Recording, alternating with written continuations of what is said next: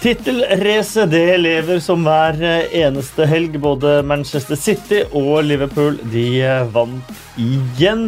Eh, Joey Barton, eh, hva han vant, eh, kanskje MMA. Vi, vi må prate litt om Joey Barton. Ble Cardiff kysset farvel?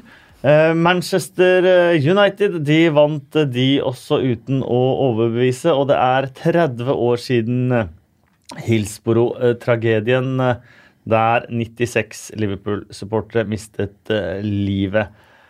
Uh, vi går gjennom det her, og vi går gjennom uh, selvfølgelig Bill Edgar og et par andre faste spalter. Og til å gjøre det så har vi United We Podcast.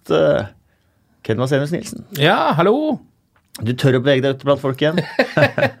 det, er jo, det er jo litt lysere dager nå. Ja. Selv om det, nå har det begynt å mørkne litt på himmelen igjen. selvfølgelig. Ja, jeg ser Skjegget begynner å bli litt lengre. Ja, litt gråere. ja, nei, Jeg tør å gå ut så lenge det eh, er før eller etter Manchester United-kamp. Eh, underveis i kamp så er det igjen med gardinene, ja, eh, fram med puta et glass ja. whisky og sette seg i sofaen. Du er tilbake der. Ja, jeg er tilbake der igjen. Det er et sunt forhold til en fotballklubb, det jeg har. og så har vi en konge med oss. Kong Henning Håvi. hallo, hallo. Går det bra? Ja, det gjør det. Ja. Jeg kan ikke klage. Det blir lysere tider som eh, er innpå her, så det, det, er jo bra. og Det er grønt snart, og fotballen er, er, i gang. og Den har jo vært i gang stort sett hele året. Den er jo det. Åssen er det å være Liverpool-fan, da? Ja, det, det, er spennende, men eh, du har jo det i bakhuet at eh, dette går ikke. Eh, fordi at det er et annet lag oppe i toppen der som er så fryktelig gode at ja, jeg blir overraska, og det skal vi sikkert komme inn på i løpet av sendinga her, at City de, de er sterke. Mitt og Tom Henning Håvis forhold Vi prater ikke så ofte, men det går på korte tekstmeldinger mens jeg kommenterer. Ja, det er rødt kort.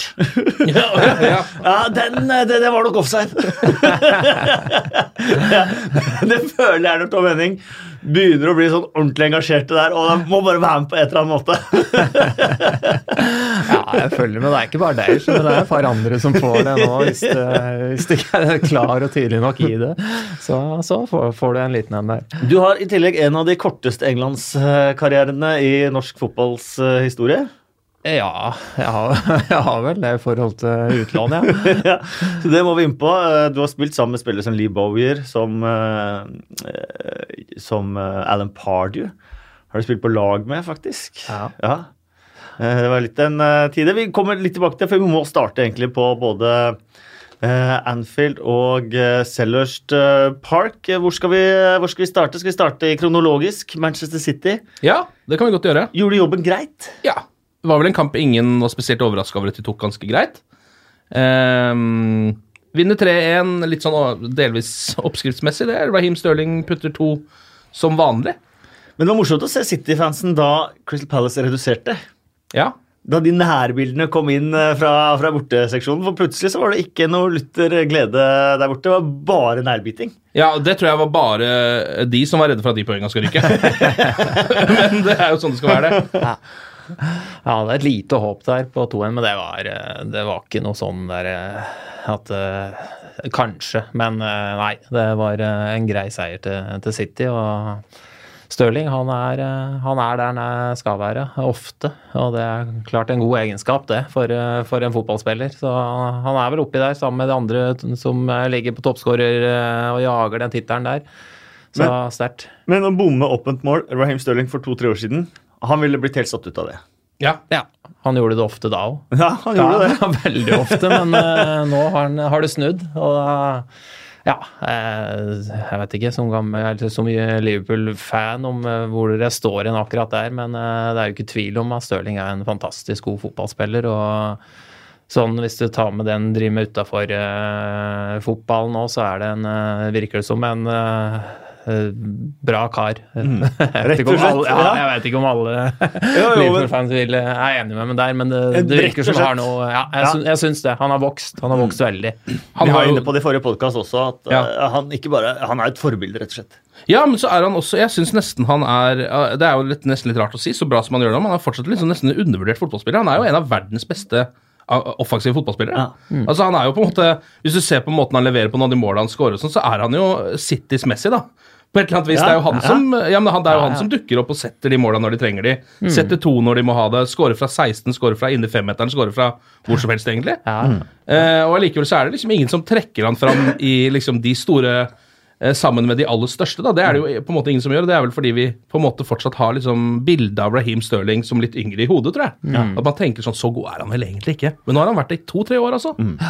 Og den avslutninga på 2-0 der var en Ja. breisida i, i lengste. Det er ikke så mange så andre som gjør de der. Nei, Nei, og det hadde han ikke gjort for uh, tre år siden sjøl. Nei, det har jo skjedd noe der. Han har funnet avslutningene sine, han, på et eller annet vis. Crystal Palace, eh, fantastisk frisparkmål av Milivojevic. da.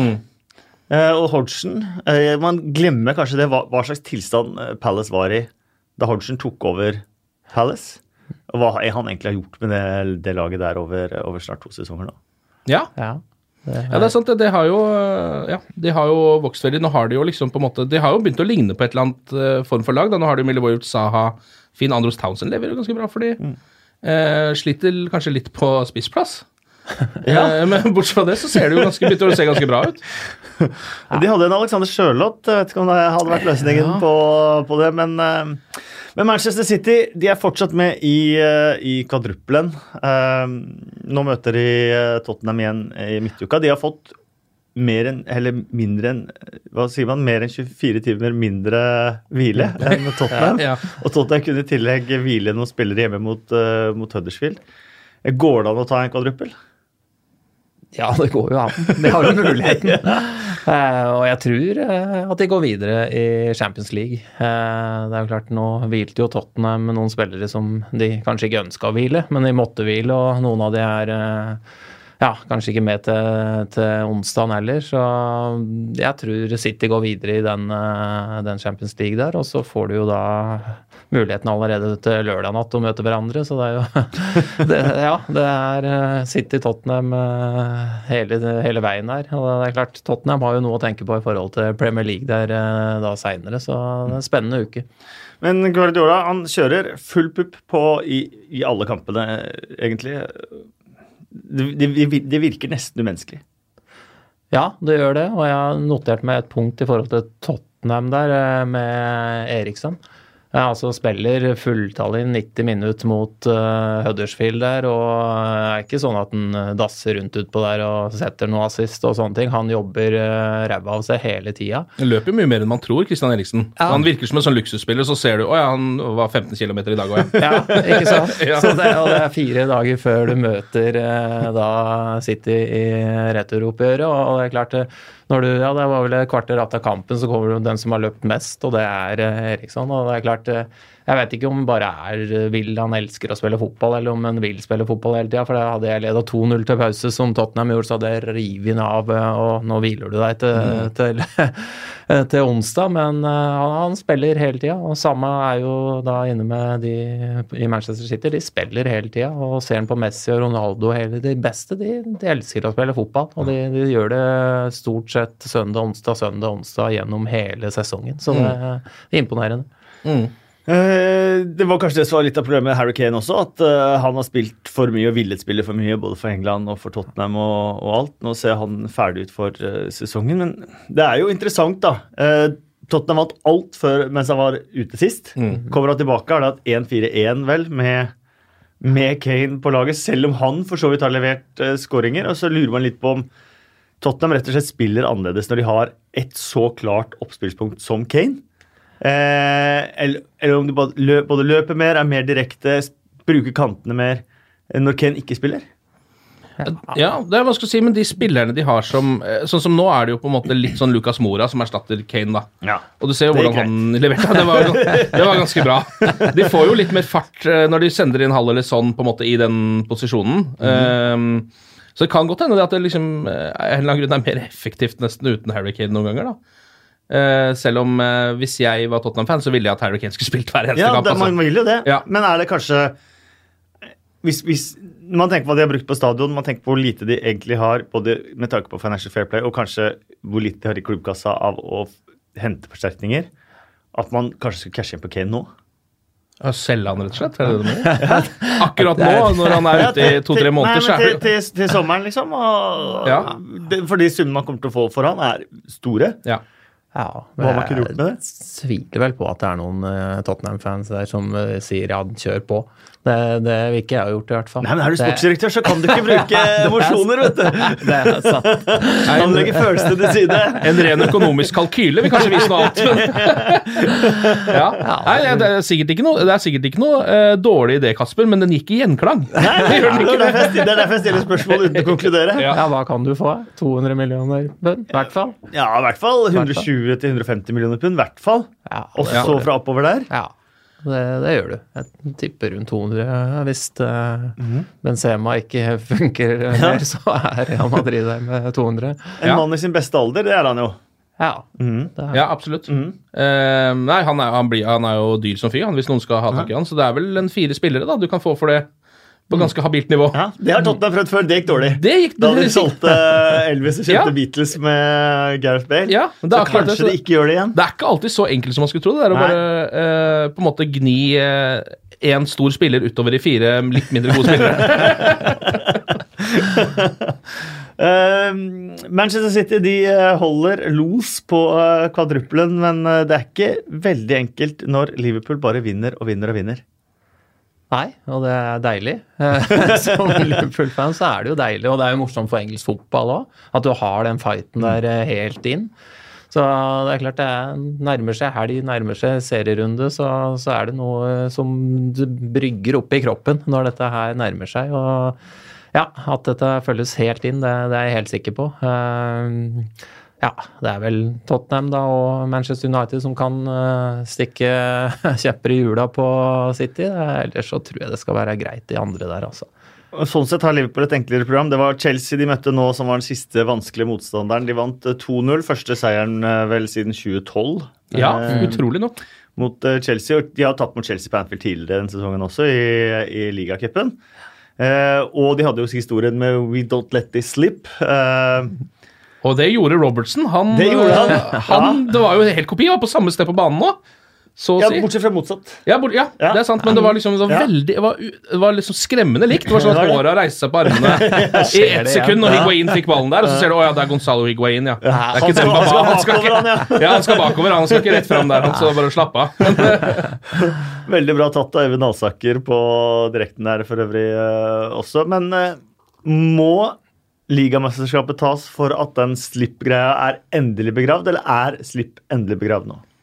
Nei, For meg så er den jo begravd for, eh, for ei stund siden. Jeg er ikke sikker på at Liverpool hadde vunnet den, den ligagullet der eh, uansett, det, på eh, om eh, Gerrard ikke hadde sklidd der. Så ja, nei. eh, Det er klart det er morsomt å dra opp i sånne situasjoner som eh, var i, i kampen nå, men eh, nei. eh, det, vi tar ligagull, og så er det glemt. Ja. Jeg tror vi sier det sånn. Eh, det var en vanskelig kamp. Eh, Chelsea yppa seg, men dette er jo Liverpools også der nå. At de bare maler på til de vinner.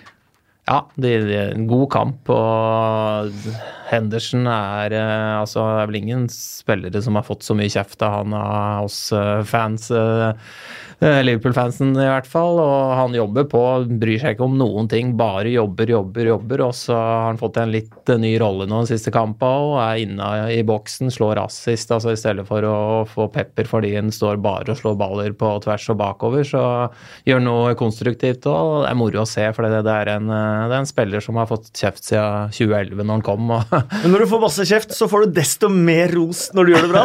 ja, da, det, Så nå hylles han. Ja, nå får han velfortjent Ja. øh, hyllest for det. Det er en øh, klubbspiller, en som har vært der, en engelskmann som, som gjør jobben 100% og jeg tror ikke det er så mange som veit hvor viktig han er. Han er kaptein på laget, han uh, får skryt utafor banen, han, uh, han uh, tar tak i garderobe. Han er, han er en spiller som du må ha i et lag. Eh, Mané med ny scoring, selvfølgelig. Uten Mané, så hvor hadde man eh, vært med den scoringen til Salah? ja. ja, det er jo rundens eh, øyeblikk, det, på en måte, nesten. Ja. når eh, Mohammed Salah tar med seg ballen inn, og bare du ser at han Tida sto stille da ballen var i lufta. Ja, Tia tida står helt stille, han, og han fyller opp, eh, eh, fyller opp kjakene med luft. Og akkurat idet han treffer ballen, så ser du at han også øh, forløser lufta. Og bare spælmer den inne i hjørnet der. altså Det er et av de, det, drøyeste skuddet jeg har sett Ja. på ganske lenge. fordi idet han skyter, så tenker man ikke at det der kan skje. Det er ikke naturlig, det er ikke naturlig skudd. Det er litt sånn ut av denne verden-aktig skudd, eh, men det var veldig deilig å se. Um, Det målet var helt fantastisk, rett og slett. Jeg synes jo at akkurat rett før, fordi måla kom jo veldig tett, de to. Eh, og rett før Mané sitt mål, så står jo den kampen litt sånn Det virker som Liverpool begynner å litt sånn fanker nå begynner ligagullet å sitte litt i leggen igjen. Eh, litt nervøs og mister litt beina og er litt, litt ute av det. Men så får du det målet, så er det på en måte litt sånn null tvil derfra ut, da. Men hadde det stolpeskuddet til Hazard gått inn da? Hva hadde skjedd da? Han hadde begynt å skjelve i buksene. Ja. Ja, Ja. ja. Jeg tror det. Ja. Vi må snakke bitte litt om atmosfæren på Anfield òg. Ja, den var ellevill. Ja. ja, I en sånn type kamp så er det da oh, det, Du får frysninger eh, gjennom hele kampen der. Men jeg er jo litt tilbake til Salah sin mål. For det, vanligvis så har han jo gått innover på banen og så har han prøvd å bøye den, skru den i bortre. Han har gjort det ja, x antall ganger nå. Nå strekt den rista og så bare Linjal. ja, feide den på. Og det, ah, det, jeg håper han tenker at ja, dette er gående å prøve mer enn bare den der skruen skruen borti lengste hjørnet og ikke lykkes veldig ofte i, i den siste tida. Altså, det, det var deilig å se at den bare smalt til. Jeg tipper den er målt til godt over 100 km enn det skuddet der. Men atmosfæren eh, Vi har vært inne på det så vidt i podkasten tidligere òg, for atmosfæren på Anfield eh, den var lenge sånn opplevd også fra kommentatorplass og sånn, så ganske dødt. Eh, spesielt kanskje de der lørdag klokka tre eller fire her, da, kampene. Eh, veldig ofte at det skulle noe helt spesielt til, og kanskje ikke engang da, men det Klopp har jo jobba sammen med på Liverpool-supportere systematisk siden han tok over, da, med å understreke viktigheten av fansen. eh, med, med, å, med å trekke fra fansen hele tida, helt bevisst. Før kamp, etter kamp, hele tida. Og så på en måte, nå er de helt i samme båt. Og det er sjelden du hører en sånn atmosfære i en ligakamp i England.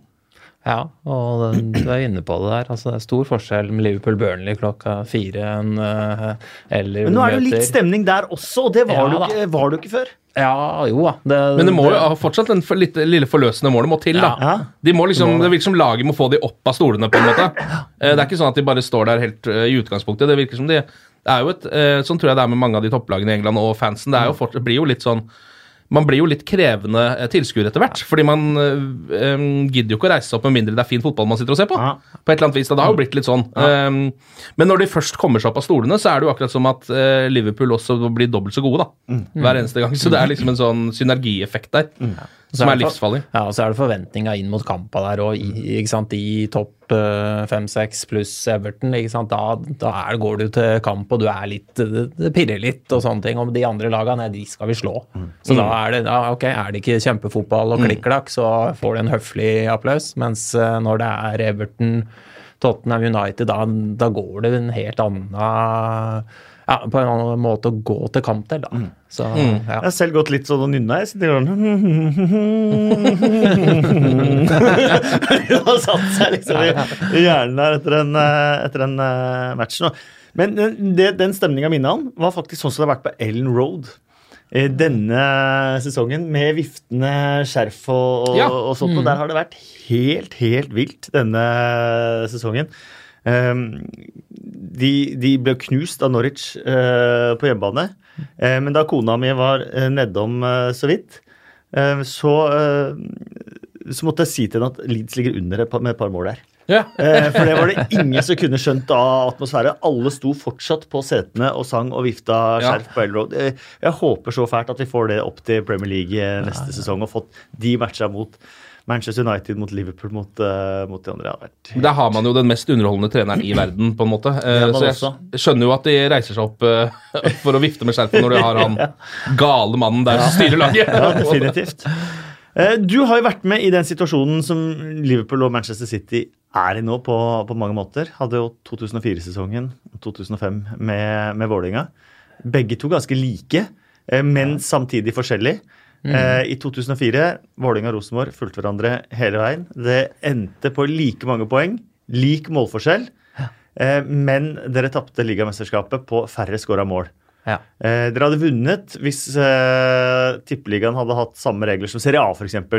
Hvor innbyrdesoppgjør eh, teller. Da hadde dere blitt ligamestere. Så det eh, nesten felt en teknikalitet. Men det var litt det samme da.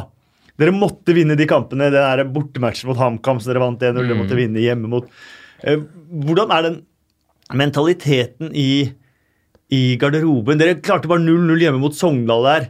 En matcher dere absolutt skulle vinne i, i innspurten. Eh, og som på en måte dere sto i 1-0-1 i odds før matchen, eller dere var så store favoritter før den matchen der at men det må jo være noe med hverdagen, med trening, med dynamikken i garderoben. Når man er sånn Motstanderne vinner hver match, du må vinne hver match. Ja, eh, altså jeg husker tilbake det, altså 2004, en kjempesesong. Eh, det gikk på skinner. Det, vi spilte god fotball, det fløyt, og det var, eh, det var jo da vi burde ha vunnet serien. For vi var stort sett gode gjennom hele sesongen der. 2005 var vi jo ikke gode. Da var det omvendt. Da var det samme. Da tapte både dere og Start alle Ja, kampene. nei, det, det var ingen som vant av Nei. topplaga siste Seks rundene. Ja, det var helt, helt krise. Så, så er sånn eh, Ja, vi vant uh, Tippeligaen uh, i, i 05, og det var jo stort, det, selvfølgelig. Eh, men, uh, men sånn i ettertid, og det har jeg pratet med mye om eh, med tidligere lagkamerater òg, den fotballen vi spilte i 04 var jo strålende. Mm. Den var, eh, ja, og det er klart når vi og da hadde Stabæk i siste kampen på, på Ullevål og spilte de av matta. Eh, og når Morten Berre er aleine eh, med keeper og bare skal sette den, og vi ville da vinne med ett mål, det, det skjedde ikke. Det var nære. Men, Men du snakker om Hendersens rolle i garderoben også nå, og sånt, nå. du var jo selv kaptein, eh, kaptein da. Hvordan, hvordan, er, hvordan er forskjellen i en garderobe sånn, kontra eh, det som er hverdag, da? Eller er det ikke noen forskjell om man lever i det? Ja, si? Ja, men jo, altså, Klarer man å fokusere på hver kamp, f.eks.? Ja, men når det går bra, så, så trenger du på en måte ikke å gjøre noe. Da kan uh, kunne hvem som helst ha vært hva, egentlig. For, for du trener eller uh, lagleder eller kaptein eller hva det er for noe. Det, det, det går av seg sjøl. Det bare flyter. Mens uh, når det går imot, så er du jo nødt til å ha noen trener, en eller annen uh, kaptein som kan uh, bry seg litt og være, være der, da. Det trenger du ikke gode dager da. da det går av seg sjøl. Men man sier jo 'play the game, not the occasion', sier man. Uh, og det er jo det det gjelder nå for egentlig Liverpool og Manchester City hver eneste kamp. Ja. Uh, hvordan gjør man det? Hvis man kan stille det spørsmålet. Nei, hvordan gjør man det? Altså, dette er jo Man må jo la seg påvirke av ytre faktorer her. Ja, det, det gjør de, men, men øh, når du først er ute på den banen, da, så, så, så tenker de ikke på det før kanskje Du var inne på det i stad. Ja, 60 mot- minutter der. Ja, ikke sant. Fortsatt 0-0. da Ja. øh, Minner om murre litt i publikum. ja, da kan det kanskje stresse litt for å hente ballen og ta kjapt innkast og begynne å mase og legge opp ball på femmeteren til motstanderens keeper for at han skal få den i gang. Men uh, fram til det, og, og som regel da når det har gått 60 minutter og du er i flytsona, så leder du med et par mål, som regel. Og det, det, ja, det bare flyter på. Vi må innom uh, din uh, englandskarriere. For Den har- korte? Ja, eh, for du har spilt to kamper for Charlton Ja. i uh, det som i dag heter Championship. ja. Ja. Uh, hvordan, hva skjedde? Ja, hva skjedde? Nei, altså, jeg, spilte jo på HamKam i den, den tida der. Jeg var et par og tjue år og øh, hadde bestemt meg for at det var siste sesongen i HamKam. Jeg skulle flytte til byen og begynne på politiskolen. Det var liksom ja. Det var det jeg skulle. Byen var ikke London. ikke London. Nei, altså, så var det en uh, engelskmann som bodde på Hadeland, Charles Bomber, som uh, plutselig kontaktet meg der. Uh, han hadde vært i kontakt litt før og lurt på om han hadde lyst til å prøve spill og dra til England og, og litt sånne ting. Men så ringte han meg da det i slutten av november dette her, og, og sa at Charlton var ute etter en venstrebeinspiller fordi at uh, de hadde et par skader i forsvaret. Venstrestopper og en venstreback som var ute, så de hadde bare én venstreback. Eh, og lurte på om jeg hadde lyst til å dra over på en 14 dag, tre ukers prøvespill eh, og se åssen dette var. Og ja, det jo, kan jeg godt dra til London jeg i november i stedet for å drive på, på Hamar i forblåst eh, treningsforhold der. Så jeg reiste over og Var der i tre-fire uker før jul. Veldig veldig ålreit. Altså, England er ålreit, folka er ålreit. Eh, Det var, eh, ja, veldig, veldig bra. Og etter oppholdet så ønsket de å utvide da med en måned på lån, da. Hvor jeg, jeg spilte jo kamper på det prøvetida, for det var lov med reservelagskamper. Eh, Men når jeg da kom over og hadde signert kontrakt for januar måned, Så var jeg over da 1. januar. Kom rett eh, kampen Charlton-Milvold 1. januar. Og det er klart, da kom jeg til Da kom jeg til litt eh, Har du det Briskeby? Ja, det var, det lever på Briskeby innimellom, men det var ikke så mye politier og Stuart som da sto rundt banen. Det er det ikke på Briskeby, men det var kaos på The Valley den dagen. Så da starter vi der. Var, eh, var på en måte litt sånn backup for, eh, for venstrebacken som var der. eh, Mortimer, en rutinert spiller som ble flyttet litt på midten og venstreback. Eh, hadde to, eh, to kamper hjemme mot Derby som eh, innhopper, tror jeg det var. Ja, Derby. Kom inn for Mortimer. Jeg kom inn for Mortimer, ja. ikke sant? Ja, Du veit mer om det. Nei, og så spilte jo noen reservelagskamper mot Brighton og Westham, blant annet Oxford. Og så siste var borte mot Bolton. I Bolten, og det er klart det, det var eh, Da var det 0-4 til pause eller et eller annet, og tapte 5-1, men eh, det, da spilte jeg andre omgang. Det var, var moro. Eh, det var ikke moro å tape 5-1, det var moro å komme inn 1-1 og gjorde en god kamp. da. Det, det var det. Banens beste. Ja, det sto det i lokalavisa. Åtte poeng av ti. Ja, det er bra, det. er ikke så verst. Det er én omgang og tapt Ja, Du spilte jo 1-1 i din omgang, da. ja da, ja da. ja da. Så, altså, jeg husker jo det, men det jeg husker mest der, var jo at uh, jeg var forholdsvis kjapp i dusjen og utad i bussen, og så ser jeg bussjåføren stå der og lurer på at kan, om jeg kan hjelpe ham å bære inn. Ja, bære inn, jeg, sa. Ja, ta den der, han, og pekte på en kasse med, eller brett med cola. Og så kom han bak med tre brett med øl Ja. inn i bussen. Og ja vel, tenkte jeg. Ja, ja, vi tapte jo 5-1, så det Må feires. Kanskje burde det vært annerledes. Det vært tre med cola, en med Men det påvirka ikke spillere i det hele tatt. De koste seg på turen ned til, til London, og når vi nærma oss London, da kom eh, Da kom whiskyflaska og sånn baki der òg. Men den kunne vi ikke vise. Altså, det var ikke vis den til Curbusley og Grit som satt foran og var manager. Det var, det var ikke bra. Så de Men du var med på drikkinga. Nei, jeg hadde heldigvis bil på, på treningsanlegget, så jeg måtte kjøre. Og, Og du ble ikke satt av bussen. Nei, ja, altså, jeg var på lån og hadde mer enn nok å holde. altså Jeg kjørte på venstresida av England, og jeg, det var greit å ikke ta noe øl eh, da. Så jeg, jeg sto over det den dagen der, men det var, var spesielt. Men vi hadde jo, ja, vi hadde jo Steff Lo i podkasten her, Ja. eh, og han eh, drakk jo ikke øl på vei etter til å ha blitt matchvinner på Anfield. Og han ble satt av spillebussen. ja, det stemmer. Eh, midt på landeveien. Eh, Ja, riktig. ha det bra til Jostein eh, Jostein Flo. Jeg kan høre det, den ligger i iTunes. Den det er veldig morsomt. Ja, nei, Det var flere som burde ha blitt satt av. For det, på mandag, mandag når vi kom, så kom kapteinen vår med hva heter han, Alan McLeary. Ja, ja, eh, han kom da med gips og to fingre helt uh, bandasjert der. Så spør jeg hva drev du med? Nei, jeg var på nattklubben etter å ha kommet der, og det var, eh, det var en som hadde prata dritt om Charlton. Vi hadde tross alt tapt 5-1 bort, og inne på doen der så var det en som hadde pratet dritt om Charlton, og da hadde han smelt ned. Skulle forsvare det 5-1-tapet for alt det var verdt. Skjønte- ikke hva, hva gutta gjør ute på byen den dagen, men det tålte han ikke som kaptein, så måtte han gå foran med enten. Men det har ikke snudd på liksom sympatiene dine. Du gikk ikke fra å bli, være Liverpool-fan til å bli Charlton-fan da, mens du spilte der? De var så dårlige. Ja, Ja, det var noe med det. Nei, nei men jeg, jeg har vært Liverpool-fan siden midten av sånn 7-78 når jeg begynte med det. Er klart, når du da har vært det i stort sett hele livet, så kan du ikke snu om ved å være en måned i Charlton. Nei. Så, En måned i Charlton er enig i. En måned i Charlton holder kanskje ikke. det holder ikke akkurat. Blir du matchvinner i Champions League-finale, så kan du bytte lag. Ja, tydeligvis. Det er det som er reglene. Nei, men jeg følger, jeg følger med Charlton, jeg følger med Grimsby av en eller annen måte. Men Ja. det er jo begynt til The Mariners eh, der, og så er det Liverpool og Charlton selvfølgelig. Er de lagene jeg følger med Ja. i, Du England. ser, jeg fortsetter fortsatt sjekke hvordan det går med Charlton og ser noen matcher Ja, med det. ja. Ja. Ja da, jeg, jeg, ja, det må jo det. Jeg Ja. håper han ser at det, det er mulig at du nå ja, får en kvalik og kan uh, gå, rykke opp. Det, det følger jeg med på. Ja. Ja. Ja, De har jo din gamle lagkompis Lee Bowyer som manager eh, den dag i dag.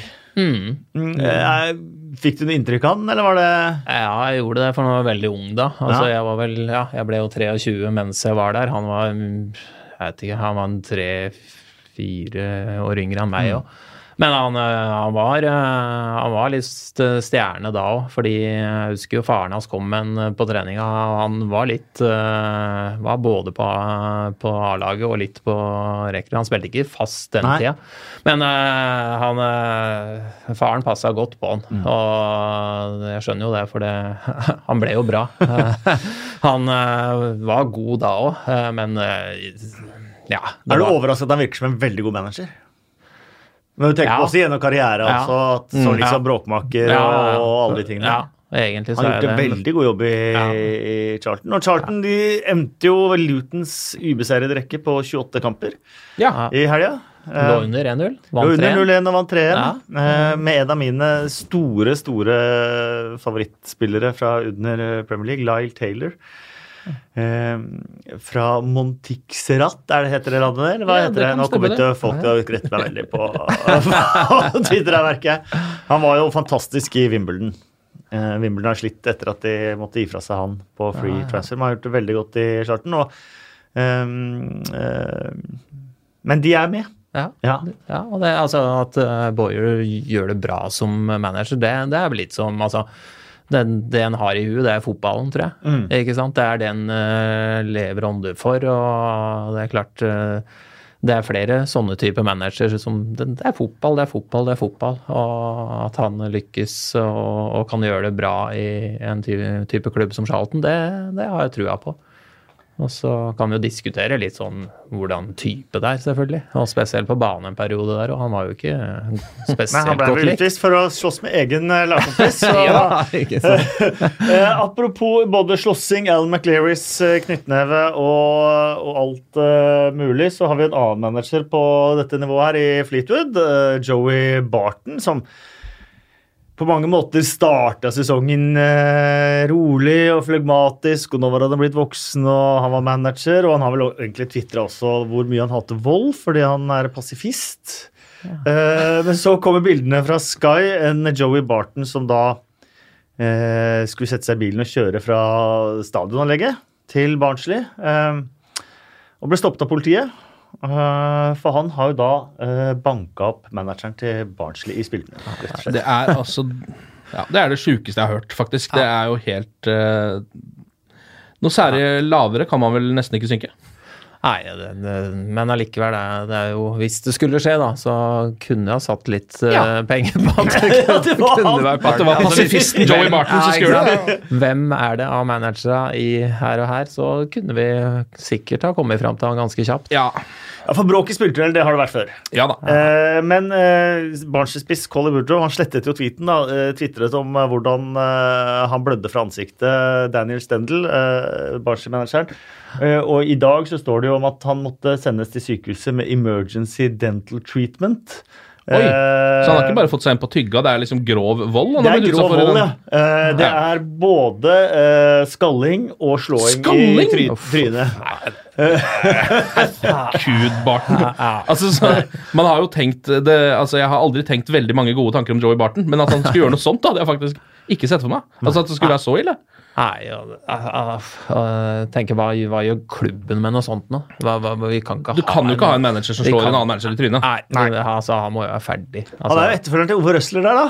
Oh, ja, ja. Ove Røsler uh, var jo manager i Fleetwood siden han fikk eh, sparken på slutten av forrige sesong. Eh, nei, eller var det sesongen før der igjen? ja, det kan hende. Ja, det var det. Så da er han kanskje Ja. ikke direkte etterfølger av, av Ove Røsler, faktisk. Nei, Nei, det er forrige sesong. Det er var uansett en åndelig etterfølger av Ove eh, Røsler. Ja. Eh, nei, så det, Men man må egentlig tenke at dette er eh, Hvis man havner i fengsel Ja, hvis, Så, altså, ja. Du bør jo inn i en tur i, i fengsel hvis du har skalla ned og Han har jo òg. priors altså. Òg. nei, Han har vel, ja, ja. han har vel seks måneders dom for vold ja, tidligere òg? Ja da. Det, Han burde antageligvis hatt mer, eh, som han har drevet både på banen og utafor og i spilletunneler før òg. Så det er, eh, nei, det er typer som aldri lærer, tror jeg. Eh, Så det var altså Joey eh, Barton. Skulle vi eh, prate litt om Manchester United, eh, Ken? Ja, det kan vi godt gjøre. Ja, fordi at de har tapt fire av de siste seks. Mm. Og de eh, to inni der som de ikke har tapt, det var mot Watford. Ja. Eh, og det var hjemme mot Westham nå. Mm. Uh, og de burde de vel egentlig ha tapt. Ja, Altså, er jeg frekk, da? Nei, du er ikke spesielt frekk. men Altså, den uh, mot Westham er vel litt sånn Den kan gå litt begge veier, føler jeg. De er Ja. heldige som scorer på to straffer. Da, da har du jo hatt en uh, Da har du vært litt heldig på hjemmebane, på en måte, når du ender opp med to mål og begge er på straffe. Men den mot Watford, der er det jo Der tilsier jo all statistikk at de ikke burde ha kommet unna med tre poeng, i hvert fall. Så de har vært veldig heldige i de to kampene.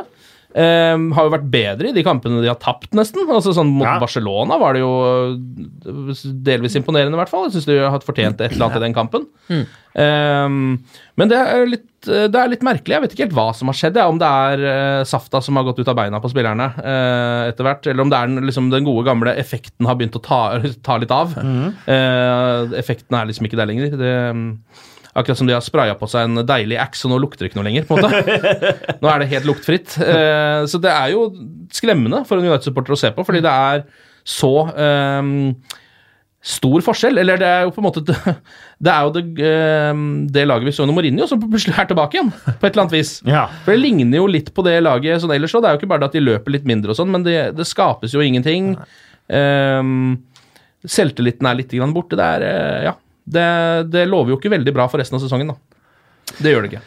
Tok Ja, men altså, det er som å si, ny manager Solskjær inn, og det skapes litt press. Du får litt, kanskje litt mindre trøkk, mer glede på trening, og alt ser bra ut. Men, men det med å altså, signere trenere da for x antall år etter eh, Når du har muligheten til å vente ut Vi pra, har jo pratet på det her Mm, før. ja.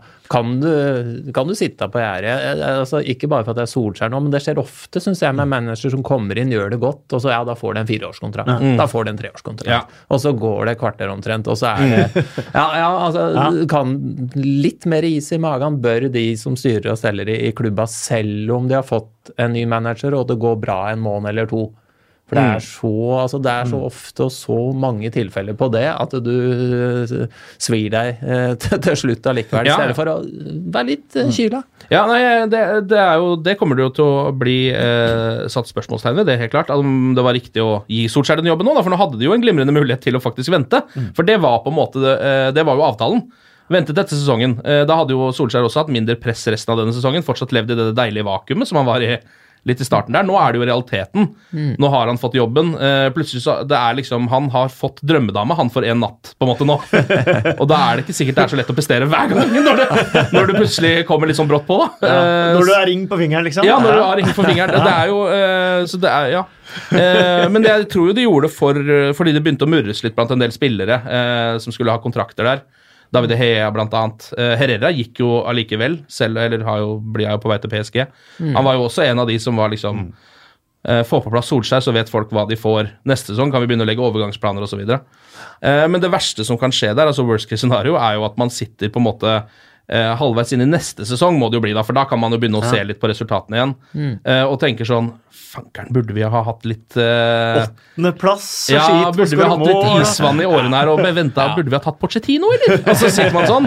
Det håper jeg ikke skjer, det, for det orker jeg ikke. Nei, det skjønner jeg. Det skjønner. Ja, men jeg tenker ikke altså, jeg tenker det at eh, ok, få litt press av Young og Smalling og Herrera og det, altså, Nå må du ansette en der, ellers så forsvinner jeg. Ja, men forsvinn, da. Ja. Altså, sant? Det er jo ikke akkurat eh, ja, litt begrensa spillere, spør du meg, da. En god del av det. Ja, Og- David Hea er god, da. Ja, keeperen selvfølgelig er, er god, men de andre det, det, du har en del andre der som er helt uh, nå middels, spør du meg. Og at Solskjær da får muligheten til å eh, hente noen nye, det får vi jo håpe. Som Ja. er mye bedre enn enn fire-fem av de som eh, er eh, rundt utpå der nå. Ja.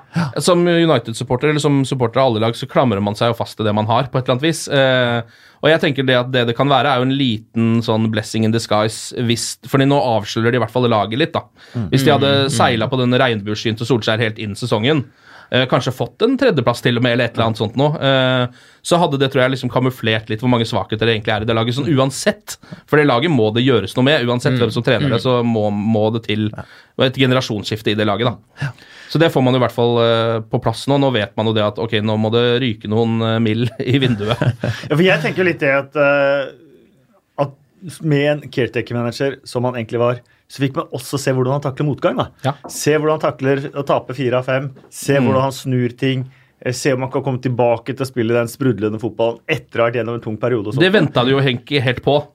på Ja, en måte, De ja. tok seg ikke tid til å vente på De det. tok seg ikke tid til å vente, vente på det. Og, og i starten, og det var jo mange klar på, den beste egenskapen Solskjær hadde eh, de første par månedene, var å ikke være Mourinho. Ja, ja. Det var liksom Ja, ja. hovedkvalifikasjonen til hver ny manager. Mm.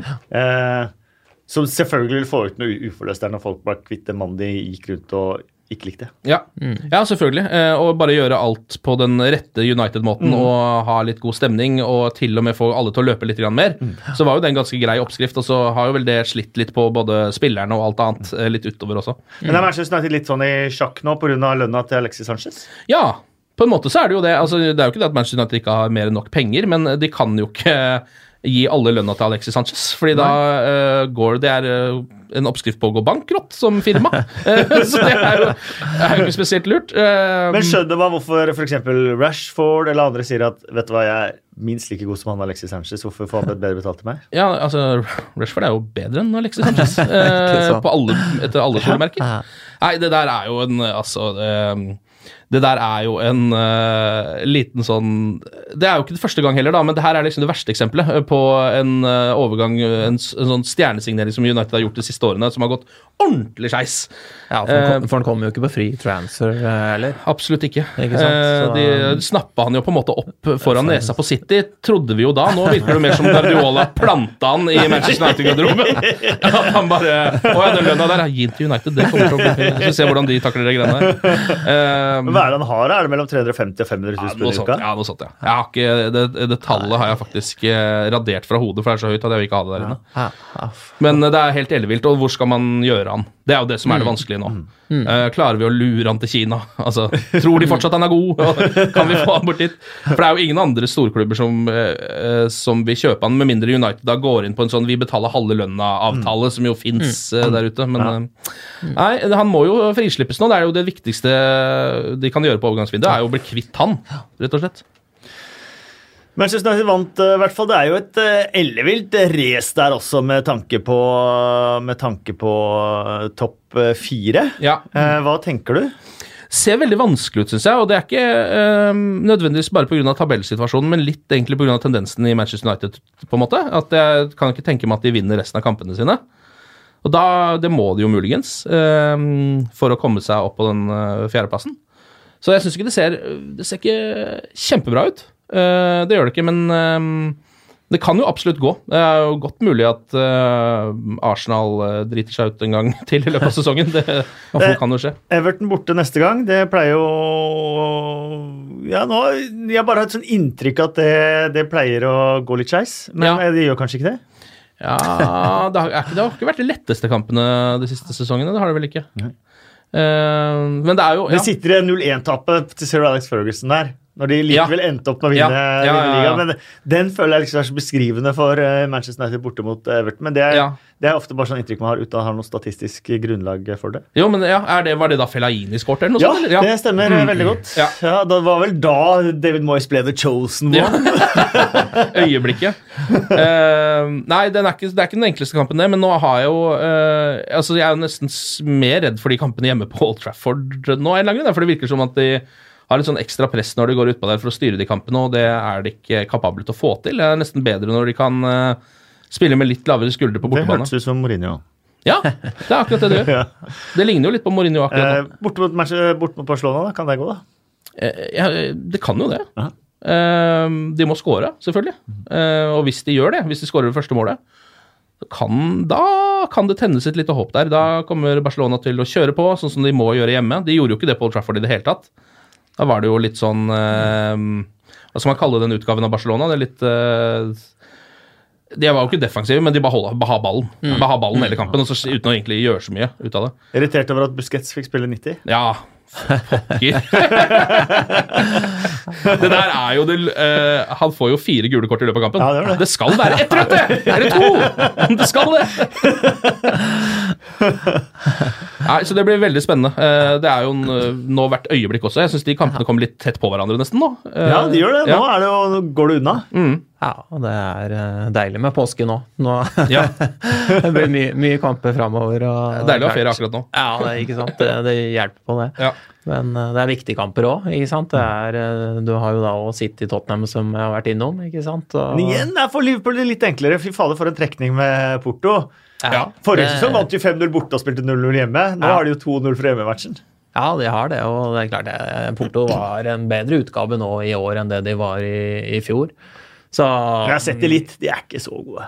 Nei, altså det skal være mulig å score på dem i, i Portugal. Det, det blir overraska hvis vi ikke gjør det. Eh, Men eh, alt kan jo skje. Altså, vi så jo det. United de var vel ikke nær ball i, i Paris selv, men de gikk videre. Ja. Så eh, ja, med par altså, På det nivået der så kan du ikke gjøre sånn, sånne feil som da Paris gjør. Eller? Ja, altså, ja, de i Paris er gode, men de kan fortsatt ikke gjøre sånne feil som de gjorde der for å bli straffa. da. Og så- sånn kan jo skje. altså Barcelona kan jo rote bort eh, det i Spania òg, men eh, normalt så gjør de jo ikke det. Nei, de gjør jo ikke det. De har det jo gjort det litt i det siste, men det er jo stort sett de kampene hvor de allerede leder 5-1. eh, på en måte. Da virker det som de eh, senker seg litt vel, kanskje. Nå er det jo ja, 1-0, det er jo noe helt annet. Eh, for Liverpool viktigere å vinne Premier League enn Champions League. Absolutt. Absolutt. Og for City er det kanskje litt motsatt. Ja, det tror jeg. Ja, ikke sant. Jeg tror det. Ja. Så da inngår vi den, da. Ja. Man vil jo alltid ha det man ikke har hatt på en stund. Ja. Ja, ja. Så, sånn er det jo. Eh, går du fortsatt på Vålerenga-kamper? ja, jeg skal jeg er på noen tre-fire i løpet av året, og Ja. ser resten på, på TV-en. Ja. Ja. Vi fikk jo et eh, vi, Det er ikke så ofte vi får uh, hjemlige, fotballrelaterte spørsmål til Premier League-podkastens Twitter, men jeg fikk et ett her i dag. Fra Trond Mathisen. eh, kommer til å få litt flere Twitter-spørsmål etter hvert, men bare tar denne litt nå før vi går videre. Eh, kan Vikstad fortelle om pølsedramaet han var gjennom i pausen på Vålerenga-Tromsø? Hendene fulle av snacks og brus samt en pølse i lompe i munn. Ergerlig når pølsa hopper av gårde. Det, har du blitt observert her, eller hva? Ja, det er helt uh, åpenbart, for det var akkurat det som uh, skjedde. Du vet når man er på, med guttunge på match. Uh, han sier 'jeg skal ha det og det og det i kiosken'. Jeg går bare på dass og pisser. For det var det som skjedde, Så jeg venta egentlig på at han skulle komme tilbake og hjelpe meg å bære alt han hadde bestilt, men han kom jo aldri tilbake. Så jeg hadde brus og kaffe i én hånd, popkorn og eh, så svær sånn popkorneske og pølse i den andre. Så tenkte jeg må, før jeg begynner liksom, skal rikke meg gjennom masse folk, så må jeg spise den pølsa i hvert fall. da. og du er halvveis i pølsa, så, så du vet når du skal holde flere ting i samme hånd, så klemmer du kanskje litt hardt. Så da jeg skulle putte pølsa i munnen som var halvspist, så svopper pølsa ut av lompa og ned på bakken. Oh, Men jeg håpa at ingen så meg. Eh, Det var feil. Det var feil, vet du. Ja. Uh, Så det var pølsedrama for guttunga. Han kom jo ikke tilbake, han satser bare på plassen igjen. da. Ja, uh, Forventa at far skulle bære alt tilbake dit. Ja, Ja. Så det er siste gangen du går i kiosken på, på Ullevål stadion, kanskje? uh, du er jo på Intility, vet du. Oh, det, Ja, stemmer det. ditt- og Så lenge du bor i Oslo, burde du dra dit innimellom. ja. Hvis jeg bare får drive litt reklame for, eh, for det. fordi at eh, den stadion ser ut som en dass på TV. det er Såpass eh, ærlig må vi være. Høye, grå murer og eh, allerede litt blasse seter og, og sånt noe. Men maken til fotballstadion å se fotball på, det er jeg fryktelig Ja. imponert over. Er, eh, lyset er utrolig bra. Det er en fantastisk akustikk. Så selv om det er få folk der, så er det veldig god atmosfære. Um, så det må jeg bare litt reklame for, om du holder med jeg bryr meg liksom ikke så mye. Jeg merker liksom på kompisen til guttungene sånn i nabolaget. Vi bor fem minutter og går til stadion, og det er jo fantastisk hyggelig. Og mange av guttungene, kompis til guttungen de holder med Rosenborg og Molde og Brann og alt mulig pga. foreldra liksom er fra, fra landet. Um, men vi har jo de med kanskje på kamp innimellom, og de syns det er storartet. og det, det tenker jeg Selv om du er fra Moss eller Ja. andre liksom har tilhørigheter andre steder, hvis man ikke har noe å gjøre på søndagen, og stikke opp og se, se Eliteserien på et flott sted å se fotball, så Ja. burde man egentlig gjøre det. ja. Så har man lagt inn, eh, eh, lagt inn det nå. Ja, men det er bra, det. Eh, Ja. Apropos kiosk. Få jeg bare- banene sine. Ja, jeg bare kom på det, for vi spilte jo cupvinnercup i England mot Chelsea, Ja. Stamford Bridge. Og det er klart, vi bodde på hotellet på Stamford Bridge. Og garderoben var jo på helt på andre sida. Så vi var fra Norge. Altså Milan og Paris og alle hadde jo kjørt buss rundt. De hadde ikke vasse bortover det sammen med fansen, ikke sant. Så når vi da skulle bort og skifte da halvannen time før kampen, så, så går vi da i trengselen bortover. Alle ryggsekker, selvfølgelig. Ja, altså, det så jo ikke bra ut. Norsk flagg oppi ryggsekken. Ja, og- sant, med kamera. Så, så da så plutselig så Når vi kommer inn i garderoben der, så sier Thomas Berntsen, sportsdirektøren da i, i Sarpsborg ja, er faen, sier han. han. Jeg ble plutselig stående, jeg, gikk sammen med de andre, så han plutselig så bare forsvant jeg inn i Fish and Chips-køa. sånn.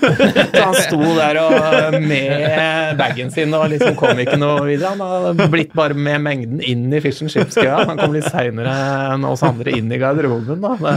Så dro han jo den da at dette hadde ikke Milan gjort, eller Nei. sant? de hadde jo blitt frakta inn. Ja, Men du veit vet jo aldri, nå var det jo, var jo en periode hvor United aldri klarte å komme seg til hjemmekampene sine fordi Det var en periode. Ja, fordi eh, bussen ikke kom seg dit. Ja. Eh, fordi det var for mye folk, og de kjørte buss for seint. Og da var det jo et eh, tilfelle hvor José Mourinho rett og slett bare hoppa av bussen midtveis mellom hotellet og kamp kampstadion.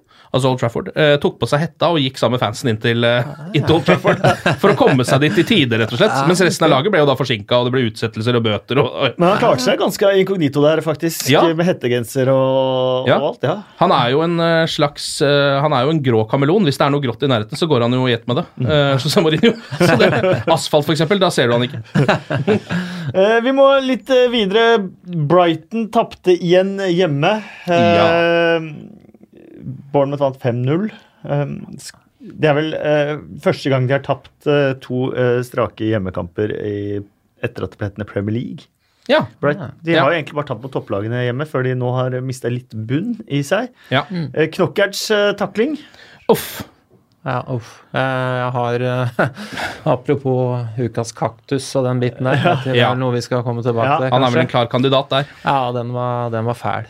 Ikke bare er den så stygg, men det er og veldig unødvendig. Men eh, også bare for, eh, for fansen. Altså, han, han er på hjemmebane her. Ligger riktignok under eh, De ligger vel under 2-0 på, det- Ja, ja. på det tidspunktet, men Ja. kampen er ikke kjørt. Det har spilt 60 minutter. Eller noe sånt. Eh, og så går han inn i den taklinga der, bare, og det er jo et sånn takling som han vet jo at det blir rødt i det han tenker. Oh, ja. Altså Å Det er sånn, det kan ikke skje noe. Det er ingenting annet som kan skje. Og så ser du jo fansen står og bare reiser seg opp og bare Why? Why? Liksom, Hvorfor gjør du det? Og det lurer jeg jo på ennå. Hva, hva, hva skal du få ut av dette? Er det, skal du ha lang påskeferie? Vil du ha, liksom, stå over en kamp? Er det det som skjer her, eller? Ja, for han får jo det nå. Ja. Det er ikke så mye kamper til for han å spille, da. Nei. Nei, det, Er det det der, eller hva vil han bort fra klubben, eller hva er det han driver med, liksom? Ja, Du har ingenting å vinne på nå, i stedet for å bare presse den og holde den nedi der Ja. og få et innkast, kanskje. Ja. Han bare kommer inn og ser ut som han bare drar ned rullegardina og setter Ja. fart.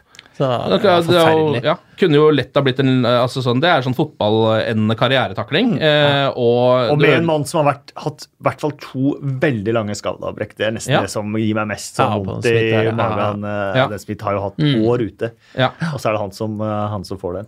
ja, ikke sant? det er Det er grusomt. Ja. Eh, Bournemouth vant jo da 5-0. Det har jo vært fryktelig på bortebane. Ikke så, ikke nå. Eh, men Bournemouths eh, Ryan Fraser og Callum Wilson Det, er jo, det var morsomt i kampene Callum Wilson var ute. eller det var jo ikke så morsomt, Men eh, det som var morsomt var at Ryan Fraser verken hadde en scoring eller assist. Ja.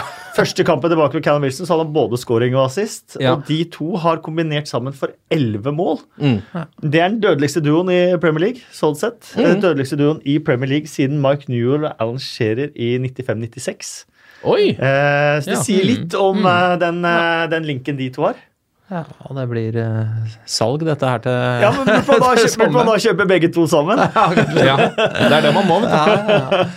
Nei, men det er, jo- det er jo imponerende. Jeg syns jo Bournemouth er liksom et lag som eh, Altså sånn Til å ta eh, såpass i anførselstegn lite poeng som de gjør, så imponerer de meg veldig ofte. Jeg tenker liksom ofte faen, Bournemouth er et godt lag. Og så Ja, ja. går neste kamp så taper de jo selvfølgelig 3-4-0 igjen, da, men, eller 2-3, eller hva det nå er.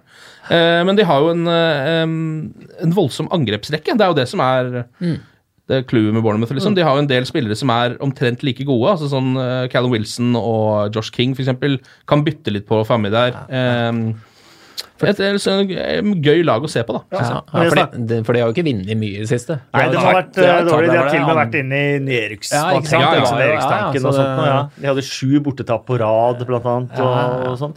Eh, Joshua King involvert i to av måla, selv om han ikke kom på, på, på lista. Han hadde en andre assist eh, som han har hatt Jeg tror han, hvis, Det har jeg sagt før her òg, jeg tror hvis man hadde regna andreassister, Ja. så tror ja. han hadde toppa den faktisk nesten Ja. i Premier League. Veldig ofte involvert i mål uten nødvendigvis at det syns i protokollen. Han overhoppet på det ene målet til Ryan Fraser eh, også, som Mm. sendte Fraser igjennom. Eh, Så det er bra. Eh, Leicester 0, Newcastle 1 på fredagskvelden. Eh, Da kan vi gratulere Newcastle med en ny sesong i Premier League. Det er ja, det er fint. Ja, det syns jeg. Ja, det er, det er moro. Eh, altså, jeg har notert meg det òg, Newcastle, og du så det etter kampen òg, fansen som står igjen der i, i svingen og, og, og lager det trøkket som de gjør. Det har vært på Anfield to ganger når Liverpool har uh, vunnet over Newcastle, begge ganger.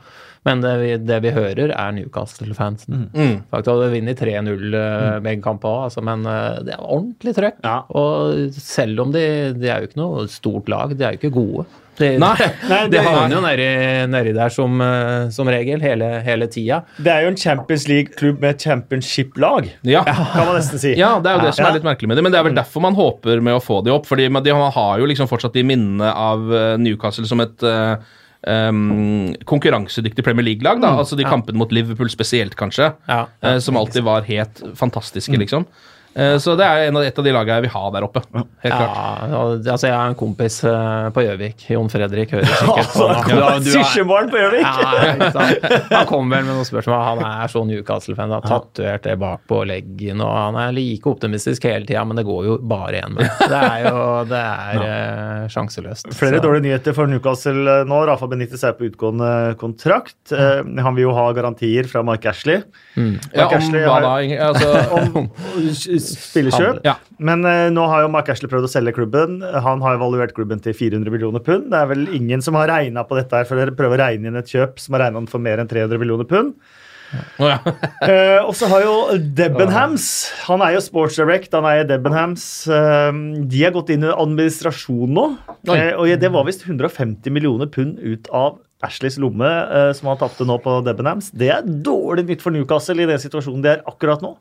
Ja, og Vil det si at han da uh, kommer til å på en måte kreve så mye penger for å selge Eller at han i hvert fall ikke kommer til å bruke penger i transfervinduet? Nei, at han i hvert fall ikke har penger til det, det er Ja. jo problemet. Og Bare se hva det betyr for den klubben å bare få kjøpe en spiller til 20 millioner pund. Ja, ja. Almiron. Ja, ja. Det, hvordan de bare løfta fans, lag, klubb, Ja. alt. Ja, ja. Og så tenker man hva hvis de hadde hatt det transferbudsjettet de egentlig burde hatt, da. Ja. Ja, stor stadion, stor interesse, mye folk. Altså, det, er jo en, det er jo en klubb som bør være med oppi der. eh, ikke sant? Eh, Du har Leicester og du har Everton og alle de andre, men der burde jo også Newcastle vært. Mm. Jeg synes også fra den kampen er litt sånn interessant at nå har altså Salomon Rondon begynt å uh, bli frisparkekspert. Han har øvd. Ja, nå når skjedde det der? Jeg tror jeg sa det da jeg kommenterte at han må ha øvd. Det hjelper å øve. Ja, Ja, tydeligvis, fordi altså, den mannen For det første, jeg har aldri tenkt på han som en frisparkskytter. Han er jo ikke er jo ikke spesielt god avslutter engang. Altså Nei. sånn vanlig avslutter. Nå har han altså begynt å kjøre noen sånne Cristiano Ronaldo-aktige eh, frispark der. Så Ja, for tverrlegger og i mål og det som er. ja for det frisparket der mot, uh, mot Leicester hadde vært årets frispark hvis den hadde sittet. Ja, det var helt rått. Det var helt sykt. Det er ikke ofte du ser det går Du ser, du ser stang ut, og du ser tverrlegger ut, men krøstang ut det er sånn, Jeg husker du skulle fortelle i skolegården Å, så et skudd krøstang ut, og så Ja. prøvde man liksom å kaste den på krøstang for å vise liksom Ja. hvor det krøstang ut. Du kan klare det engang. Nei, det gikk ikke det heller. Nei, så det, det er litt- synes jeg er litt, eh, alltid litt gøy å se når du Ja. ser sånne ting. Det er faktisk en som har vært på feltet litt her og øvd litt på egen hånd. Så, så. Ja, ja. Ja. Ehm, men da er de klare. Og det sa vel Jossi Perez etterpå. Nå, nå, nå blir det Premier League. Ja. Ja. Det, er, eh, det, er, eh, det er digg.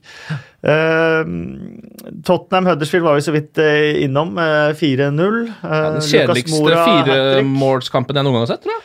Ja, veldig sint Jan Sivert, Huddersfield-trener, manager etterpå. Ja. Nå tror jeg han begynner å bli frustrert. Altså. Ja. Vel- jeg vet ikke hvorfor, men det var fordi de må, måla kom i sånne eh, bolker på to minutter. Det kom liksom De første måla så var det to mål på to minutter, og så var det to mål på to minutter på slutten. Vil du vite hvordan det er å kommentere sånne kamper? Eh, ja, hvordan er det? hvordan er det? det ikke er noe nerve eller spenning eller noen Ah, ting i. Det bare er ferdig Ja, det må være vondt. Men, men det var bra trøkk på tribunen der allikevel, som Ja. sang jevnt og trutt, og det var uh, De er glad i nye stadion. Ja, det må det være. Altså, det skjønner jeg jo. Ja. Det var, eh, nei, for jeg la merke til stemninga. Det var, var bra, altså. Ja, den er jo veldig fin, den nye Spurs-stadion, syns jeg. Mm. Den er jo, nå, de har jo øvd inn noen sånne kjøringer med kamera, har du sett det? For å vise fram hvor fin den er. Hvor de begynner Ja, oppe ved det det der til. Spurs-emblemet som Ja. er oppå stadion, og så Ja. zoomer de ned og viser liksom hele. Så er det sånn Se her, folkens. Ja. Gratulerer, Tottenham. Ja, ja, De har Europas lengste bar på denne kortsida. Ja, 64 meter lang bar. Europas lengste. Ja, Det er jo kjempelurt, da, for det er det sikkert ingen køer. nettopp. Fantastisk. Det tror de tenkt, jeg tror de har tenkt helhetlig, også på, også på revenue. Ja, lurt, det. Um, Burnley slo Cardiff 2-0, og da kan vi vel også nesten gratulere Burnley også med Ja. fornya kontrakt. Det- ja. Um, Ashley Barnes fikk gult kort for å susse på Joe Bennett. Ikke bare ett suss, men to. Ja. Det var to nydelige suss der. Ja. Det, han ble overraska. Bennett han, eh, han rakk nesten ikke å bli noe sint heller. Han bare, han ble satt ut, og så bare døde hele situasjonen ut. Det var Han veldig fikk gult kort begge to, Ja. men uh, Har du opplevd noe sånt? Nei, ikke på banen. Nei. jeg vet liksom, jeg, jeg, Utafor kan man bli sussa. det er et eller annet altså, I disse metoo-dager som man sier hele tiden, så vet jeg ikke helt hva som er liksom verst av å slå til noen eller å prøve å kline med noen. Jeg er ikke helt sikker på hvilken som er egentlig grovest overtramp. Nei, men Det er jo respektløst. Det er det jo. Det Ja, er jo det er gult kort, da, det er Ja, men det er jo det er noe med å respektere intimgrenser, uansett om man er samme kjønn eller motsatt kjønn, eller hva det er. At Ja. man, man skal jo ikke susse folk. Det er jo veldig rart å gjøre. Eh, Det er jo veldig rart. Men det virker som han eh, står der, og så har han jo lyst til å skalle til han, selvfølgelig. Det er jo det som er første tanken. Og så tenker han sånn Fanker'n, I'm med lover, not a fighter. Så må han bare inn og, inn og gi et lite nuss isteden og komme seg ut av det. Ja. Ja, for normalt, altså, du- blir du sussa på noe sånn på, på banen der, så gir du en puff eller sl- et eller annet. Han holder seg veldig tilbake, Vi husker Ja, det berømte ja, Jan Åge Fjørtoft Team Ja, ja. Flowers-øyeblikket. Det er- og det virka, og da virka det som det var samtykke. Ja, ja Det, Og det, det er jo et, egentlig et nydelig øyeblikk Ja, det eh, hadde på mange måter. Ja. Ja, det hadde vært det beste, kanskje. Uh, ja. Det har vært, det har vært eh, sak i NHL òg. Brad Marchand har gjort det to ganger. Boston Bruins-spiller. To En- ganger, ja. En gang kjufsa han, og andre gang så slikka han Ja, er, motstander i, i ansiktet, liksom. den, er, den er verre. Ja. ja, for det er noe med kroppsvæsker òg, Ja, absolutt. som mange har aversjoner mot. Ja, det er det absolutt. Nei, det er, eh, det er veldig rar oppførsel, men det er jo eh, Altså sånn Men var det dødskysset til eh, Cardiff? Ja, Ja. det tror jeg det var. Jeg For det er, det er en match som kommer nå, på onsdag, ja, eh, som er, eh, som er Brighton-Cardiff. ja, Vinner Cardiff den, så er Brighton kanskje i trøbbel, og kanskje Brighton har en mulighet. ja. Nei, det, eh, altså, det her er jo også kampen hvor eh, Mike Dean annullerer sin egen straffe. Ja! Eh, og det er Du bare så du på Warnock da det skjedde. Altså det er, eh, han, er, altså, det, han er så illsint, han. Ja. Det, han er altså så Ja. sint. Han, hvis noen hadde stått i nærheten av som han kunne ha banka opp, så hadde han gjort det. på en måte Eh, Hvis det hadde vært et speil, så hadde han slått i det. Hvis det hadde vært noe i nærheten, så hadde han slått det. Du ser han er bare sånn, men han, han får den derre eh, litt følelsen som et barn har når du er sint, fordi du vet at jeg kan ikke gjøre altså sånn, Uansett hva jeg sier, så får jeg bare husarrest. Ja. Så du ser det koker over, og, så, og prøver han å åpne munnen, men lukker den igjen. Ja. To-tre ganger og bare Men nå er det sånn at man nesten føler litt med han. Ja, det er jo det. Fordi at eh, jeg tror Darren Cann hadde en god sak der. Ja. Assistentdommeren Ja. på, på, på, på straffesparket. ja. Uh, Altså, det, det, er jo, det er jo en sånn klønete situasjon. Det er en fyr som Jeg vet ikke helt hvem det var, men han nikker vel ballen i sine egne hender. Ja, det er Ben Mi. Ben Mi er det, det var det, ja. Ja. Det, var ben Mi. det er Ben Mi det er Ben Mi som gjorde det. Eh, Nå bare gjetter jeg, da. ja, men det var Ben Mi. Det var ikke noe tvil om det. Eh, som hopper opp og nikker ballen veldig klønete ned i sine egne armer. Kan lett blåses straffespark. VAR hadde jo dømt straffe. Ja, det er jo på en måte straffespark, da. Ja. Eh, og så er det jo så Og så er det jo når det først er Cardiff også, så er Altså, jeg har aldri sett Mike Dean for det første annullere sin egen straffe. Det er, altså, det, Nei, han annullerer kun for at det ikke er han som dømte sjøl. ja, ja. Hvordan kan jeg komme litt mer i fokus da? Ja. Uh, skal jeg høre på han da, eller skal jeg annullere? Jeg tar annullerer, da får jeg Ja. ja. Da blir det mye fokus på meg Ja. igjen. Mm. Nei, Det er en merkelig situasjon. Altså, det er jo, jeg føler det er bare Warnock det der skjer med. ja. på en måte. Og det skjer helt sikkert noe nå på eh, onsdag. Tirsdag ja. er det vel, Ja. mot Ja. eh, Brighton der. Men Ja, det er tirsdag klart- er det. det er tirsdag. Ja, jeg tror det er tirsdag. Men Mm. Brighton òg må jo kjenne en liten følelse på at her skal vi ut og, og revansjere det som skjedde i helga. Ja. Eh, Så det er en avgjørende kamp. Spennende å se, se hvem som tar det steget der. I kampen om eh, topp sju, da, eller The Everton Trophy, som det har blitt, eh, har blitt eh, døpt, så tapte jo både Everton, uh, Wolverhampton, Westham Mm. eh, og Leicester. Ja. Eh, Så det betyr at det er servert for Watford i kveld da, mot, eh, mot Arsenal. Ja. til å ta liksom ordentlig grep om eh, topp sju. Det er ganske, ganske overraskende. Unai Emery ringte visst Havi Gracia før han eh, tok eh, Arsenal-jobben, for å forhøre seg litt om hvordan det er å jobbe i Premier League. og sånt, De er ganske nære. Ja, ja. Eh, Her kan de, Enten kan man ødelegge for topp sjuen, eller så kan man ødelegge for topp eh, firen for eh, hverandre. Han kan jo egentlig spyle Emerys sesong i dass. Ja, på en måte Eh, så har han muligheten til det. Ja. Eh, For det er, det, er, det er hårfine marginer mellom kjempesuksess, som jeg nesten må karakterisere topp fire for Arsenal å være, Ja. eh, og det å ikke få topp fire når man er så nær. Ja, det er jo det, men samtidig så har jo Arsenal har det ikke gått litt sånn under radaren i år, Ja. nesten. For de har vel helt, egentlig hatt en ganske bra sesong. Ja. Altså nå Ja, det er topp fire eller ikke? Ja, ja, det er jo det. Det er jo selvfølgelig det er jo Ja. sånn det er, da. Men uh, de har jo altså sånn eh, De har jo vært mye mer eh, Eller sånn, jeg føler at jeg ser et mer sånn stabilt lag der. Da. er allerede nå, under Emery. I starten var det jo helt katastrofe, selvfølgelig, når du skulle prøve å rulle ballen inn i 16-meteren der med keeperne sine og holde på noe voldsomt. Ja. Slapp inn en 10-12 mål på det. Eh, siden så har det jo kommet seg veldig. Nå ser jeg for meg liksom at de kan bli ganske farlige de neste par sesongene, hvis de ja, ja, fortsetter ja, i det sporet. Emery, altså. Ja. Ja. Har du, du er sånn som fisker. Fisker? Ja. Eller er det ikke vann inne i Hedmark? Har du Nei, det er jo en lita innsjø der som Ja. heter Mjøsa, men eh, nei, fisking er kjedelig. Det skjer jo ingenting. Nei, for du vet jo når du har fiska, og så har du bløgga fisken, og så har du lagt den i kassa. Og så går det liksom ti minutter hvor fisken ligger stille, og så plutselig så spreller Ja. den litt. Ja. Var det full her med helga? Ja, det var jo det. Det var eh, Ryan Babel, det som jo altså Det siste målet til Babel der er jo et lite kunstverk. Ja. Det var som å se han eh, ja, Som å se han for Liverpool, holdt jeg på å si, eller som å se han i gamle dager. Farta gjennom der òg. Ja. Liksom plutselig fikk han et nytt gir der når han så muligheten til å komme aleine der. Og Ja. iskald når han først eh, kom aleine. Ja, den touchen nå for å komme seg gjennom der. Helt Ja. perfekt, liksom. Ja, ja. Um, Ni tap på rad, og så skårer man. Og uh, Tom Kearney skåra sitt første Premier League-mål på 3324 dager. oi! Og vet du hvem det var mot? Nei. Du kan få gjette nå. Var det samme lag? Ja, det er vel. Da spilte jeg for høll. Han har vel ikke spilt så mye. Fansen har vel ville ta mer Kearney på banen Ja, enn han har kommet vært. mer med Scott Parker, Ja. så har han fått, eh, fått eh, spille mer. Så er det spennende om han uh, Det er mange som øker sin verdi i championship, sånn som f.eks. Tom Kearney, Ryan Sessenio. Så senker han igjen Ja. når de spiller på et så dårlig lag i Premier League. Mm. Eh, og så hadde vi eh, Southampton, Nathan Redman uh, og Southampton 3-1 mot uh, Wolverhampton. Ja. Det er typisk Wolverhampton-resultat, er det det? Veldig. Det er jo så merkelig der. er Sånn, som Manchester United-supporter så er det jo litt irriterende å sitte og se på når man liksom har tapt to kamper mot Wolverhampton eh, på rappen her. Og så tenker man sånn hvor, altså, Det laget der er jo de, ja, de er jo sikkert veldig gode, de, da, siden de knuser oss hver gang. Så når man ser dem mot Southampton, så er det selvfølgelig altså Det blir overkjørt av Southampton igjen, da. Um, så det er, det er et frustrerende lag, må være litt frustrerende lag å heie på, faktisk, siden det er så Det er så merkelig, liksom. Det, det er jo helt totalt ulogisk hvis du slår de beste og taper mot de dårligste. Det er jo Ja. ikke noe logikk i det i det hele tatt, sånn egentlig. Og det er derfor jeg tenker altså det siste kampen på Anfield er jo Liverpool-Wolverhampton. Så eh, vi har jo sett Ja. Wolverhampton, som du sier her. Ja. eh, De er jo gode. Altså Ja. Det er et bra lag, spillende lag, og de har gode spillere. Og de har slått Liverpool i år. Ja, blant annet. Ja. Så, så, Og vi husker alle Stephen Wards matchvinnerskåring på Anfield. Ja, Hva var det igjen nå. Ja, vant vel 1-0. Steven Ward, en av tidenes mest mediokre spillere. Var, var det 2011, kanskje? Jeg tror ikke det har festa seg helt på nettene. Nei, jeg, jeg, jeg den. Ja, rett, ja. Nei, men det, det kan være en skummel kamp der for Hampton. Ja, har typer. Ja. Og ja, de, de Og kan kanskje de det. spiller for Europa i den matchen. Ja, Ja. det kan de gjøre.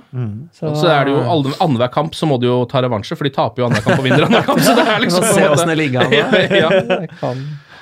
Eh, vi sa eh, at vi skulle innom uh, Hillsbro-tragedien eh, også. Det er i dag, faktisk. eh, 30 år siden eh, 30 år siden det inntraff. Eh, du er jo tre år eldre enn meg. Født i 72, ja. Ja, jeg var 13 år da. Jeg husker det gikk utrolig inn på meg. Jeg skrev stil om skolesider om John Paul Giluli. Den yngste som eh, døde. Han var ti år. Fetteren til Steven Gerrard. Ja. Um, må jo si at Liverpool og måten de har eh, håndtert alt dette fra i 30 år, har vært ekstremt imponerende. De har endelig eh, fått full oppreisning. Mm. Eh, Men det er fortsatt rettssaker som pågår, også mot David Duckenfield. Eh, anbefaler å følge David Conn på Twitter for eh, daglige oppdateringer. Eh, han har fulgt hver eneste rettssak hver eneste dag gjennom mange år, David, eh, David Conn. Eh, men det er selvfølgelig noe som fortsatt preger Liverpool.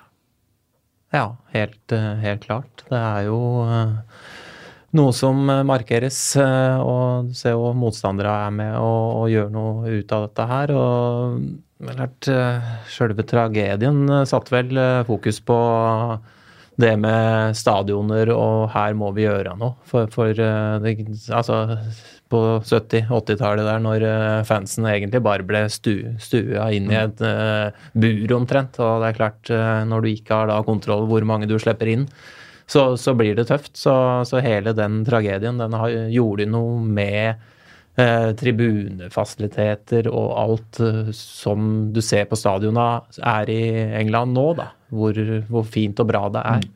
Så at eh, en sånn tragedie kan i hvert fall ha vært med på å, å gjøre noe positivt der. Eh, Men som du sier, Liverpool har eh, dette sitter i, og dette kommer alltid til å sitte i, selvfølgelig. Og ja, du, du merker noe på, på det når du er utafor Anfield der, og, og, og den eh, ja, den markeringa der, det, det er eh, stort. Det var en veldig fin markering på Anfield. da. Ja. Jeg er ofte litt sånn, begynner å um, bli litt skeptisk hver gang det skal være altså, ett minutts stillhet, som det jo var det de kjørte. Fordi De har jo begynt å gå over til ett minutts applaus mange steder nå, fordi det er alltid noen idioter som ødelegger det greiene der. Og Det var derfor det var sånn ekstra sterkt på Anfield, for det var ikke, et, det var ikke en lyd. Nei. Det var helt, altså helt pip stille, og det å se liksom eh, ja, Hvor mange er det som er på Anfield? da? Er det 60 000 folk, eller noe sånt? eller? Eh, Være helt totalt klin stille, det er liksom Det er veldig sterkt. Det er veldig sterkt. Ja. Det er et, eh, det, det, ja. Men det, er- man kjenner det på kroppen når du sitter og ser på det. Og Bildene av Kenny Douglas gjør alltid ekstra inntrykk på Ja. meg. Han var altså i samtlige 96 begravelser. Han var det, ja. Mm. ja. Det er, eh, det er ganske sjukt. Han var jo tom etterpå. Det var ikke det- så lenge etterpå han eh, ga seg som eh, manager heller. Mm. Så eh, Nei, uh, jeg, sånn sett Men det Jeg tenkte på Jeg har vært på et par av de markeringene eh, det er noen som har jobbet veldig hardt for rettferdighet. For dette her ble jo lagt på supporterne i starten. Politiet ville frikjenne seg selv. Pressen ville ha sensasjonsoverskrifter. The Sun er fortsatt bannlyst i, i Liverpool. Eh, Men det er selvfølgelig mødrene. Eh, Anne Williams hun uh, døde jo av kreft i 2013. Men jeg tror hun fikk oppleve eh, en stor, stor seier uh, rett før hun døde, og det var fantastisk. Margaret Aspinall er en annen mor. Eh, men det er jo det er jo mødrene som passer på oss. ja. Eh, Det er de som er utrettelige også i sin kamp. Eh, Så det er fantastisk. Vi går videre til blomster og kaktusran. Det var moro å se på. Morata var kjempegod. Hva i all verden? Er. Han snakka ikke om seg sjæl, han snakka om dommeren. Blomst for runden. Ja, eh, jeg har, der har jeg satt opp Jeg har to kandidater. Ja. Enten eh, Raheem Sterling, fordi han bare eh, fortsetter å være Cristiano Ronaldo uten at noen snakker om det. Som jeg syns nesten er litt merkelig. Eh, eller eh, Warnock, altså, fordi han Er det noen som trenger en blomsterkvitt? Altså, den mannen kommer til å dø av dårlig hjerte nå hvert øyeblikk hvis ikke noen tar grep. Og kanskje det er vi som skal gjøre det. Jeg tror kanskje han tar grep selv og gir seg etter denne sesongen. Det håper jeg nesten. Ja. Han hadde jo, i tillegg til alt det andre, når vi har snakket om triste ting, Emiliano Sala, Selvfølgelig. eh, som også bare Ja. mm. traff han rett i trynet ja. midtveis der, mm. der også. En spiller han hadde møtt og skapt en relasjon til. og eh, Sportslig er jo én ting, men det er jo helt uvesentlig. men eh, Hva er det siste i den saken, forresten? Er det noen, altså det rent sånn kompensasjonsmessig og alt det der? Noen som har fått med seg alt sammen der? Nei, det siste restet, er at de, de er jo uvenner. Ja. Eh, Det er jo både Man vil jo ikke anerkjenne at han ble putta det flyet for Cardiff sin eh, del, og han vil jo ikke anerkjenne et par av mellommennene som har vært involvert i overgangen, og det har jo brakt en del av disse fishy tingene til, til overflaten nå. Mm. Det går vel én vei, det. Det er rettssaker. Ja. ja. Det er jo trist, det òg. Ja, det er veldig ja. trist. Veldig. Eh, Og det burde være mulighet mulighet til å komme til minnelighet, spesielt for en engelsk klubb som får borti 150 millioner pund bare for å spille i den ligaen de spiller, Ja. Mm. Ja. tenker jeg. Mm. Ja. Eh, blomst. Ja. Ja, eh, Lucas Mora, Ja. hat trick. altså, han fortjener en blomst, men han trekker litt derfra òg, ved at han skal ha ballen. Ja, du så det? Rett da, da Dommeren Ja. hadde nesten ikke blåst av kampen Ja. før han skulle ha ballen. Ja, ja, Og da tenkte jeg ja, du har skåret tre, og du får den ballen. Ja, Men ja, det, det, var ikke, det var ikke over ennå. Han- Det var liksom den ballen. Det kjenner jeg så godt. Jeg kan relatere meg til det. Jeg, jeg legger på en ekstra blomst. jeg, for det. Ja, ja. Så sjelden skårer hat trick at liksom når det første er, så gi meg den ballen. Det det er- Da kom jeg faktisk på uh, straffekonk mellom Norwich og Bolton. Uh, Ca. midten av 90-tallet i ligacupen. Uh, masse brente straffer, men uh, Norwich gikk videre etter at Brian Gunn redda tre straffer. Og da han redda den tredje straffen, så tviholdt han så fælt på den ballen. Han, ha ballen han mente han redda hat trick av straffer. Når spisser skårer tre, så får de ballen. Jeg redda tre straffer, den ballen er min. Og det endte faktisk med at han fikk den. Dommeren sa greit. Ja. Eh, jeg ser poenget ditt. Hat trick av strafferedninger. Det er matchball. så Brian Gunn har det. Det er faren til Southampton-keeper Angus Gunn. Ja, ikke sant. Det er det. Ja, riktig. Um, så han fikk den, uh, fikk den matchballen. Ja. Nei, jeg har notert det. Og så Henderson, for det all pepperet for. Kom Ja. inn, fått uh, gjort mye bra. Ros. Uh, kommet seg lenger fram på banen og har fått litt uh, det, det og fortjener kanskje en blomst nå, men Jeg syns Lukas Mora kanskje er det beste ja. Ja, Det er ikke mange hat trickene den mannen kommer til å skåre resten av karrieren. Eller, første hat trick på nye stadion. Historisk Ja, alltid. Det er sant, det. Ja. Blomst og ball. Ja. Blomst og ball. Det var jo et eh, klassehat trick og de avslutningene Ja, ja, der. ja, ja. Det, ja. Eh, rundens øyeblikk, det var vi vel innom. Det må jo bli Salah-skåring. ja. Der er det Salah-skåring. Det er jo selvfølgelig også kyssinga til Ja, barns, siden man det- ikke opplever det så veldig ofte. Eh, kan man jo putte inn der. Eh, men ja, hvis vi, eh, altså, hvis vi skal heie på fotball, da, så kanskje det er et mål som skal ta- stikke av med den. Ja. Ja, men et sånn sportslig, da, med skuddet til Ja. Sala, og så har du et utenom med en suss og suss. Ja. Og så, ja, er ikke det, er ikke det greit, det? Um, ukjent helt. Ja, jeg tenkte eh, Jeg satt jo og så på eh, Southampton Wolves. Ja. Eh, og der var det jo mye fokus eh, da kampen begynte på Sims, eh, som starter sin første kamp for Southampton i Premier League. Han er vel et par og 20 år gammel, jeg trodde kanskje han var enda yngre. Ja. For han ble omtalt som vidunderbarn og så lignende. I hvert fall vidundervoksen-type, da. ja. Eh, han har hatt noen veldig gode innhopp. Det er veldig synd for Mohammed El. Ja, det er det selvfølgelig. Eh, men det første han Jeg gjør liker altså, egentlig ikke han så godt. Nei. men han spiller eh, i ja, et halvannet minutt eller noe sånt før han får seg en assist. Ja. Eh, Rett på sak. Og da Han har jo vært på utlån, mye på utlån sånn, Sims, hadde jeg skjønt. ja.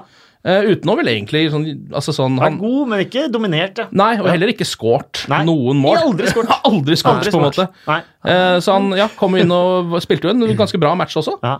Eh, Kvikk, der. spiller som kvikk. skaper noe. Ja, Ja. jeg er enig. Han, ja. Vi er enige om at det er litt trist.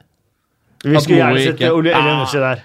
Ja, akkurat nå. Ja, ja, ja, Ja, helt, ja. helt, det er ikke noe tvil om det, men akkurat nå er, jo, er han ganske langt unna Premier League-standard. Akkurat nå, da. Ja. Den formen han er i nå. George Sims. Ja. Ja, jeg noterte meg Ovanyama. Altså, noen, Ja. sånn, altså, det var Ja. 0-0, og så Ja. plutselig bare glir han igjennom der, og, altså, som helt naturlig. Ja, Ja, Roma, den, Romario, liksom. avslutninga der, Ja, ja, ja. jeg skulle tro han var en toppskårer. Ja, Ja, altså, ja. Det, det er helt iskald, tenkte jeg. For det er ikke han som skal være litt bak der og takle. Men det Eventuelt skåre fra 25 på ja, ja, en, gang, en gang iblant, Ja. ikke sant? Men eh, det, det syns jeg var imponerende. Det er ikke en som skårer hver runde der, og har, vært, har ikke hatt en kanonsesong, men Nei, han, eh, Spilt lite også. Ja. veldig veldig, lite. kulda. Ja, og ja. på en måte fikk fansen til å slappe av ved skåringa, og utløste da hat tricket til. Mora etter hvert òg, men eh, jeg vet ikke om det er noen andre gode Nei, så vi har gitt en Tottenham, så kanskje vi skriver denne til Sims. Ja, Ja. Det blir mye Tottenham, ja. Ja, fordele, fordele blomstene rundt. Det blir ofte mye Tottenham, for alle, det er ingen som hater Tottenham. ikke Nei, sant? Så det det er er, akkurat det. Så det er helt enig. Jeg har noen kompiser som heier med Tottenham, og jeg sier ja, men det er helt er hyggelig. helt for greit, det, det. det, det skjer. Det er Koselig, veldig. Ja, veldig koselig. For det, det er ingen trussel. Men eh, de spiller jo bra fotball, det er morsomt å se Ja, på det. jeg må si at nå er Liverpool-fansen blitt ordentlig breiale der, eh, Håvi. Ja, men vi får fire-fem kamper å være med på, så får vi se, da. uh, kaktusen. Ja, den er klar, er den Ja. ikke det? Jeg- Knockout. ja. Ja, men jeg vil gi hele Brighton-laget en eh, først. Altså få han en med lange pigger til slutt. Ja. For det, altså, det å tape 5-0 i en Kall det Vinner du den kampen, så du, er du klar for eh, Premier League neste år òg. Og så taper du 5-0 hjemme mot et lag som har vunnet en av de siste ti, eller et eller annet. Det, jeg syns det var pinlig. pinlig. Eh, ja. Hele, ja, for hele laget er litt så godt innspill òg, for det var altså giddaslaust. Hele i Ja. dueller, i overganger, løp Det var liksom, det var som ingen gadd. Det er sjelden man ser på det nivået der. Ja, og selv om du blir redusert til ti mann der på en helt håpløs takling, så du taper 3-0 siste halvtime der ved Ja. at du, som Ja. du sier, du, bare, du flytter ikke, du, du er bare der. Ja. Så, Ja, Det er jo i hvert fall merkelig å se av liksom et type lag som Brighton, da, som er et sånn energilag. Det er jo derfor de noen ganger eh, kan slå de bedre lagene også, fordi de eh, gir alt hele tiden. Og så plutselig skal det bare ja, være helt blotta for det. Det er nesten merkelig. ja, det er overraskende. Da gir vi den eh, med de lange piggene til Knallkjert. Og så med litt sånn korte, sånn der, litt så ekle som setter seg fast i huden til resten av Ja, ja. Brighton-spillerne. Og vi går til eh, Bill Edgar. Arsenals syv siste. Aldri skjedd! Første gang siden er den sjette spilleren. Fun factsene til Bill Edgar. Eh, For de som ikke vet det, så er Bill Edgar statistikkmannen i The Times. eh, Har sine betraktninger i bilaget The Game hver eh, mandag. Han har sikkert funnet noe artig på deg òg fra de to kampene du hadde i, i charten, eh, Tom Henning. Eh, Men han eh, har i hvert fall, i hvert fall tittet litt på den runden som er nå, og har funnet det er to 16-poengsgap i Premier League. Mellom andre og tredje er det 16 poeng, og mellom sjette og sjuende er det 16 poeng. Og det er første gang siden det ble tre poeng for seier i 81-82 at det er to så store gap Ja. på eh, tabellen. Eh, det har ikke vært spilt en uøvert kamp i Premier League på de siste 32 kampene nå. Eh, generelt for hele sesongen så er det kun 17,4% av kampene som har endt uavgjort. Eh, og det er færrest eh, siden 1904-05, Ja, sesongen med uavgjorter. Ja ok. Ja, det er, ja, det er jo, jeg har jo tenkt på at Tottenham for eksempel, aldri spiller uavgjort. for De har vel én uavgjort i år, eller noe Ja. sånt, og så har de jo tapt en tredjedel av kampene sine. Som er litt sånn, når de ligger så høyt, nesten litt sånn uhørt. Eh, Men det er jo fordi de ikke spiller uavgjort. Så blir det jo sånn. Det er gode tips å ta med seg inn på tippinga, dette. Ja, det er gode tips. Hjemme Aldri borte, hjemme uavgjort, ja. hele veien. Drit en U av garderinga. Jeg tror ikke du skal dra det inn i championship. Der er det vel litt uavgjort. Altså, ja. Da er det bare å finne kampene du skal spille på, så er det penger å tjene i championship, eh, faktisk. Det er bare å finne de riktige objektene. Um, Spurs har vunnet sine tre første kamper på eget stadion uten å slippe i mål. Ja, det har de, ja. Eh, og er de første til å gjøre det. Å ja. Ja. Altså Eh. Noensinne. Det har aldri vært noen som noen gang har åpna en stadion og gått tre kamper uten å slippe inn mål. Nei, Cardiff, Leicester, Wigan, Reading og Derby vant sine første tre kamper på nytt eh, stadion, men alle med innslupne mål. Ok, Ja. Så Det er jo imponerende, det er noe å ta med seg for, for Spurs. I hvert fall siden man satt og snakka om at nå blir det nytt Wembley for de, og de kommer ikke til å spille bra på ti kamper, og Ja. så ble det helt totalt omvendt. det. Ja, det kunne men Jeg hadde liksom dårlig følelse på den Palace-matchen her. Ett poeng på siste fem, og kunne blitt ordentlig sånn, eh, sånn nedtur-variant. Mm. Men det er som vi sa, Tottenham er trivelig. Ja. Ja. Lucas Mora, som er Tottenhams nummer 27, løp forbi Jon Gorenc Stankovic, altså Huddersfields nummer 27, og skåret i det 27. minutt. Nydelig. Eh, Mora skåra to til, eh, og det betød tre hat trick på samme dag i de to øverste divisjonene. Eh, Mason Mount skåra hat trick for Derby, Dwight Gale skåra hat trick for West Bromwich. Og det er første gang det har skjedd eh, på over seks år. Ja. Um, Bournemouth vant 5-0 borte mot Brighton, og det ble første laget til å ha én engelskmann til å skåre, en skotte til å skåre og en waliser til å skåre i en Premier League-kamp siden Wolverhampton gjorde det i 2012. ja. ok. Bournemouth ble også første lag eh, til å vinne en match med tre britiske målskårere. Til å vinne en match med fem mål med tre britiske målskårere siden Manchester United i 1996. ja vel. Ja. En positiv Manchester United-stat på Ja, det var- en måte. Det var litt deilig, ja, på en måte. Ja, Den andre at- rekorden til United denne sesongen er at de har flest selvmål i Champions League-historien. Eh, Ja. Og så har vi hatt veldig mange Manchester City sånn sammenlignet med Manchester United, Bill Edgar, i løpet av sesongen. Veldig mange Manchester United-sportere har vært frustrert over det. ja. Så her tar vi alle liksom små halmstrå til, eh, til eh, Manchester United. Deilig. og- Det var noe på i 96 der som var bra. Det er fint. Ja. Eh, skal vi ta et par innspill fra, fra, eh, fra Twitter her, eh, for eksempel? Ja. Um, uh, HV, Ja. Uh, hvem er det Liverpool snubler mot som sikrer City serietittelen? Og hvorfor blir det på St. James' Park mot Ja, ikke sant. Der har vi, har vi Gjøvikaren der. Ja, nei, altså Hvorfor? ja, det kan jo skje. Eh, Det hadde jo vært fryktelig. Mot Rafa. Benitez i tillegg hadde det vært. Ja, men jeg tror nok Benitez syns det hadde vært eh, en trist sjøl, ja. Ja. Men det er klart, eh, for meg hvor eh, det er i hvert fall en eh, Newcastle-fan der som eh, vil gni dette inn i meg, så blir det, blir det tøft. Men jeg har ikke noe tro på at eh, de klarer det. det nei, jeg tror eh, Liverpool vinner de fire siste, og så er det greit.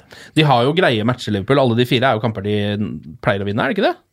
Ja, det var hjemme mot Wolverhampton. Det ble plutselig litt sånn Ja, ja, ja. Men det er fortsatt hjemme, da. Ja, St. James' Park er jo ikke enkelt, det heller. Nei da. Eh, så det er kanskje greit at de har sikra plassen nå, men du ser hvordan de spiller mot eh, Leicester når de virkelig tetter igjen, og utrolig kontringssterke de har blitt, da, Ja. når de først vil. Jo, Det, det har, har blitt det. Ja. Så det, det, er en, ja, det er en tøff kamp, Ja. men eh, det skal ikke være nok. Jakob Carlsen, eh, hvilke spillere får minst ut av sine ferdigheter pga. trenerens formasjon eller eh, spillefilosofi? Eh, og da trekker jo Jakob Karlsen fram Sarri. Han får for lite skit for hvor han spiller Kanté. Ja. To Premier League-titler og VM-gull som kriger foran ba- backlinjen. Og, nå i en offensiv rolle der han ikke alls har samme ferdigheter. er det første jeg tenkte på, jeg også, egentlig. Kanté så han jo mot Liverpool når han liksom skal eh, eh, Når han prøver å løpe forbi to mann offensivt der, da, og så skal han på en måte slå den forløsende pasningen til Hazard. Det gjør han jo ikke. Det, det, får han jo ikke. det er ikke det han driver med, liksom. Så det, det fortsatt synes jeg hele, det opple- hele det Sarri-opplegget er litt merkelig, synes jeg. Ja, men det å dra med seg en spiller da inn i den posisjonen Chelsea hadde verdens beste spiller, og så skal du på død og liv ha med en spiller da, som kosta en halv milliard, sikkert. Og, De ville jo eh, åpenbart spille i to ulike roller der, da. Uh, Jorginho er ballfordeler. Mm. Ja. ville vært ballvinner. ja, Det er ja, jo forskjellen liksom han eh, holder på med. Men, Ja da. og, men samtidig så Jeg skjønner ikke hvorfor man kanskje kunne satt ved siden av hverandre, eventuelt. Ja, og Kanté er ikke, han er ikke så dårlig med å fordele ballen eh, litt eh, her og litt der, han. Han, eh, han Nei, fikser altså, det, og så vinneren er er mye kvikkere, så han vinner jo mye mer baller Ja, ja. på den posisjonen, og Ja. kunne satt i gang de angrepene der. Hva er det Jorginho gjør på egentlig? Altså Han har flest pasninger i Premier League, tror jeg. Han har nå nærmer seg 2900 pasninger. Ja, han er ikke én assist. Ikke én målgivende. Han har vel ikke altså, Ja, så vidt jeg kan ja, Han er heller ikke tredje sist på ballen så veldig ofte. Nei.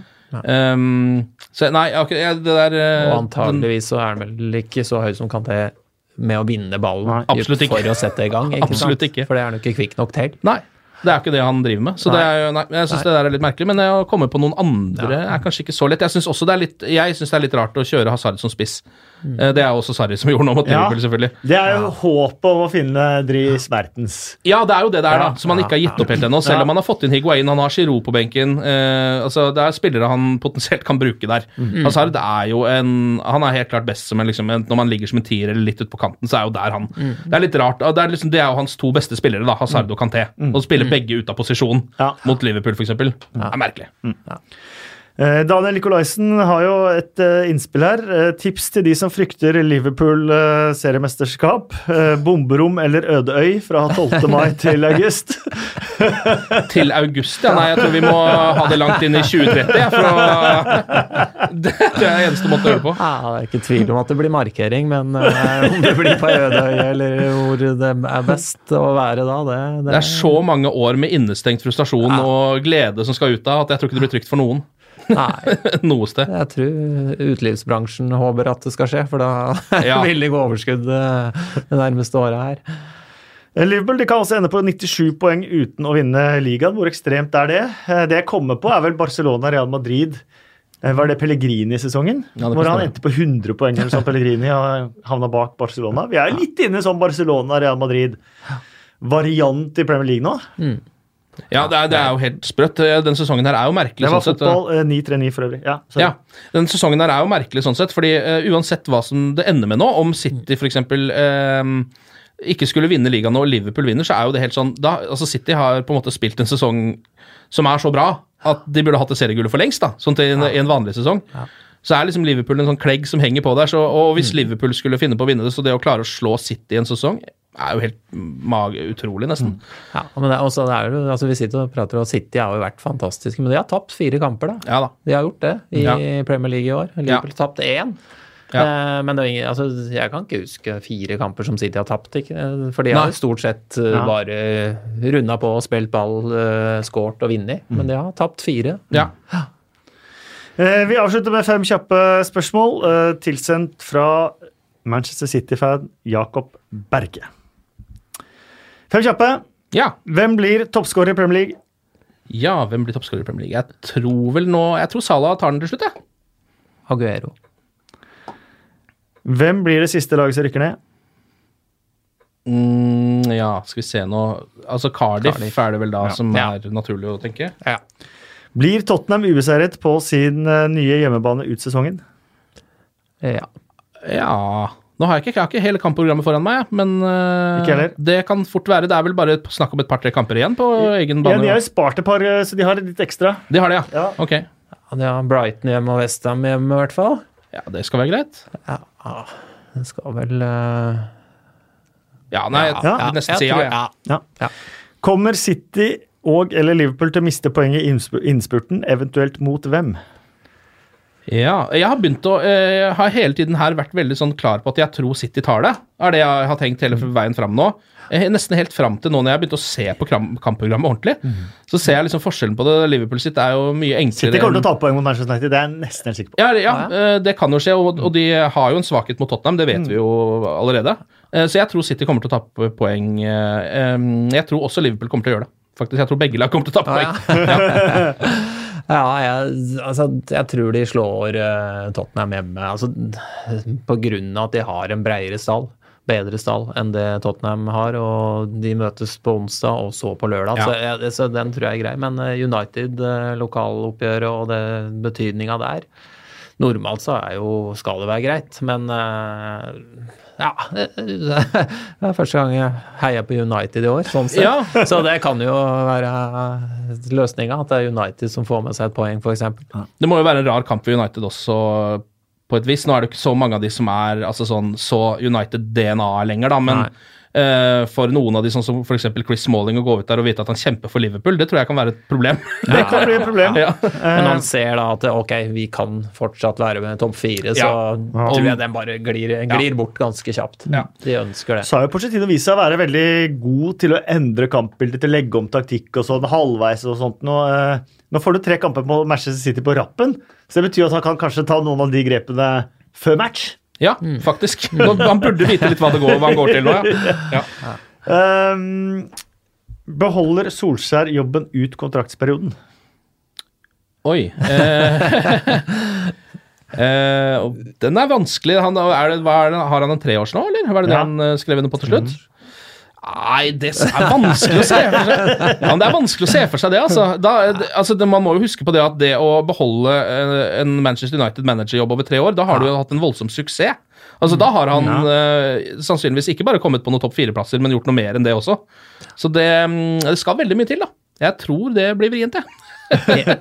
Gjelder det at den fortsatt er der, men Ferguson kommer inn, f.eks., eller at han blir med bare i systemet og Nei, det holder er den jobben? eh, gjeldende kontrakten. Ja, nei, nei, nei, den er tung. Jeg tror den blir tung. Altså. Ja. Det var altså svaret et uh, nølende nei fra Nølende nei går vi for. Ja. Uh, det var det. Eh, vi er på Twitter, 2PL-pod. Eh, vi er jo på uh, på iTunes. Legg gjerne inn en stjerne eller eh, kommentar eh, der. Det, det setter vi stor pris på. Eh, setter veldig pris på at du kunne komme, Ken. Ja, bare hyggelig. Setter veldig pris på at du også kunne komme, Tom Henning. Takk for at jeg fikk komme. Også setter veldig pris på at du kunne lage episoden, Felix. Hvem ender opp som ligamester til slutt? Liverpool.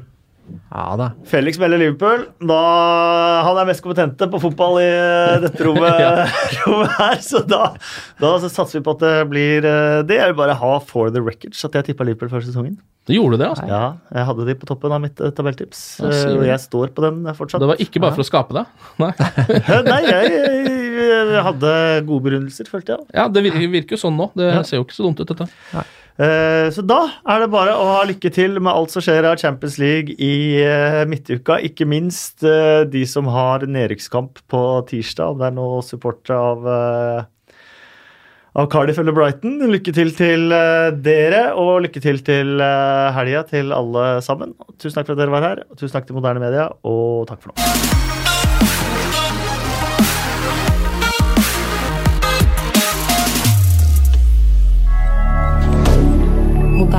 Insider.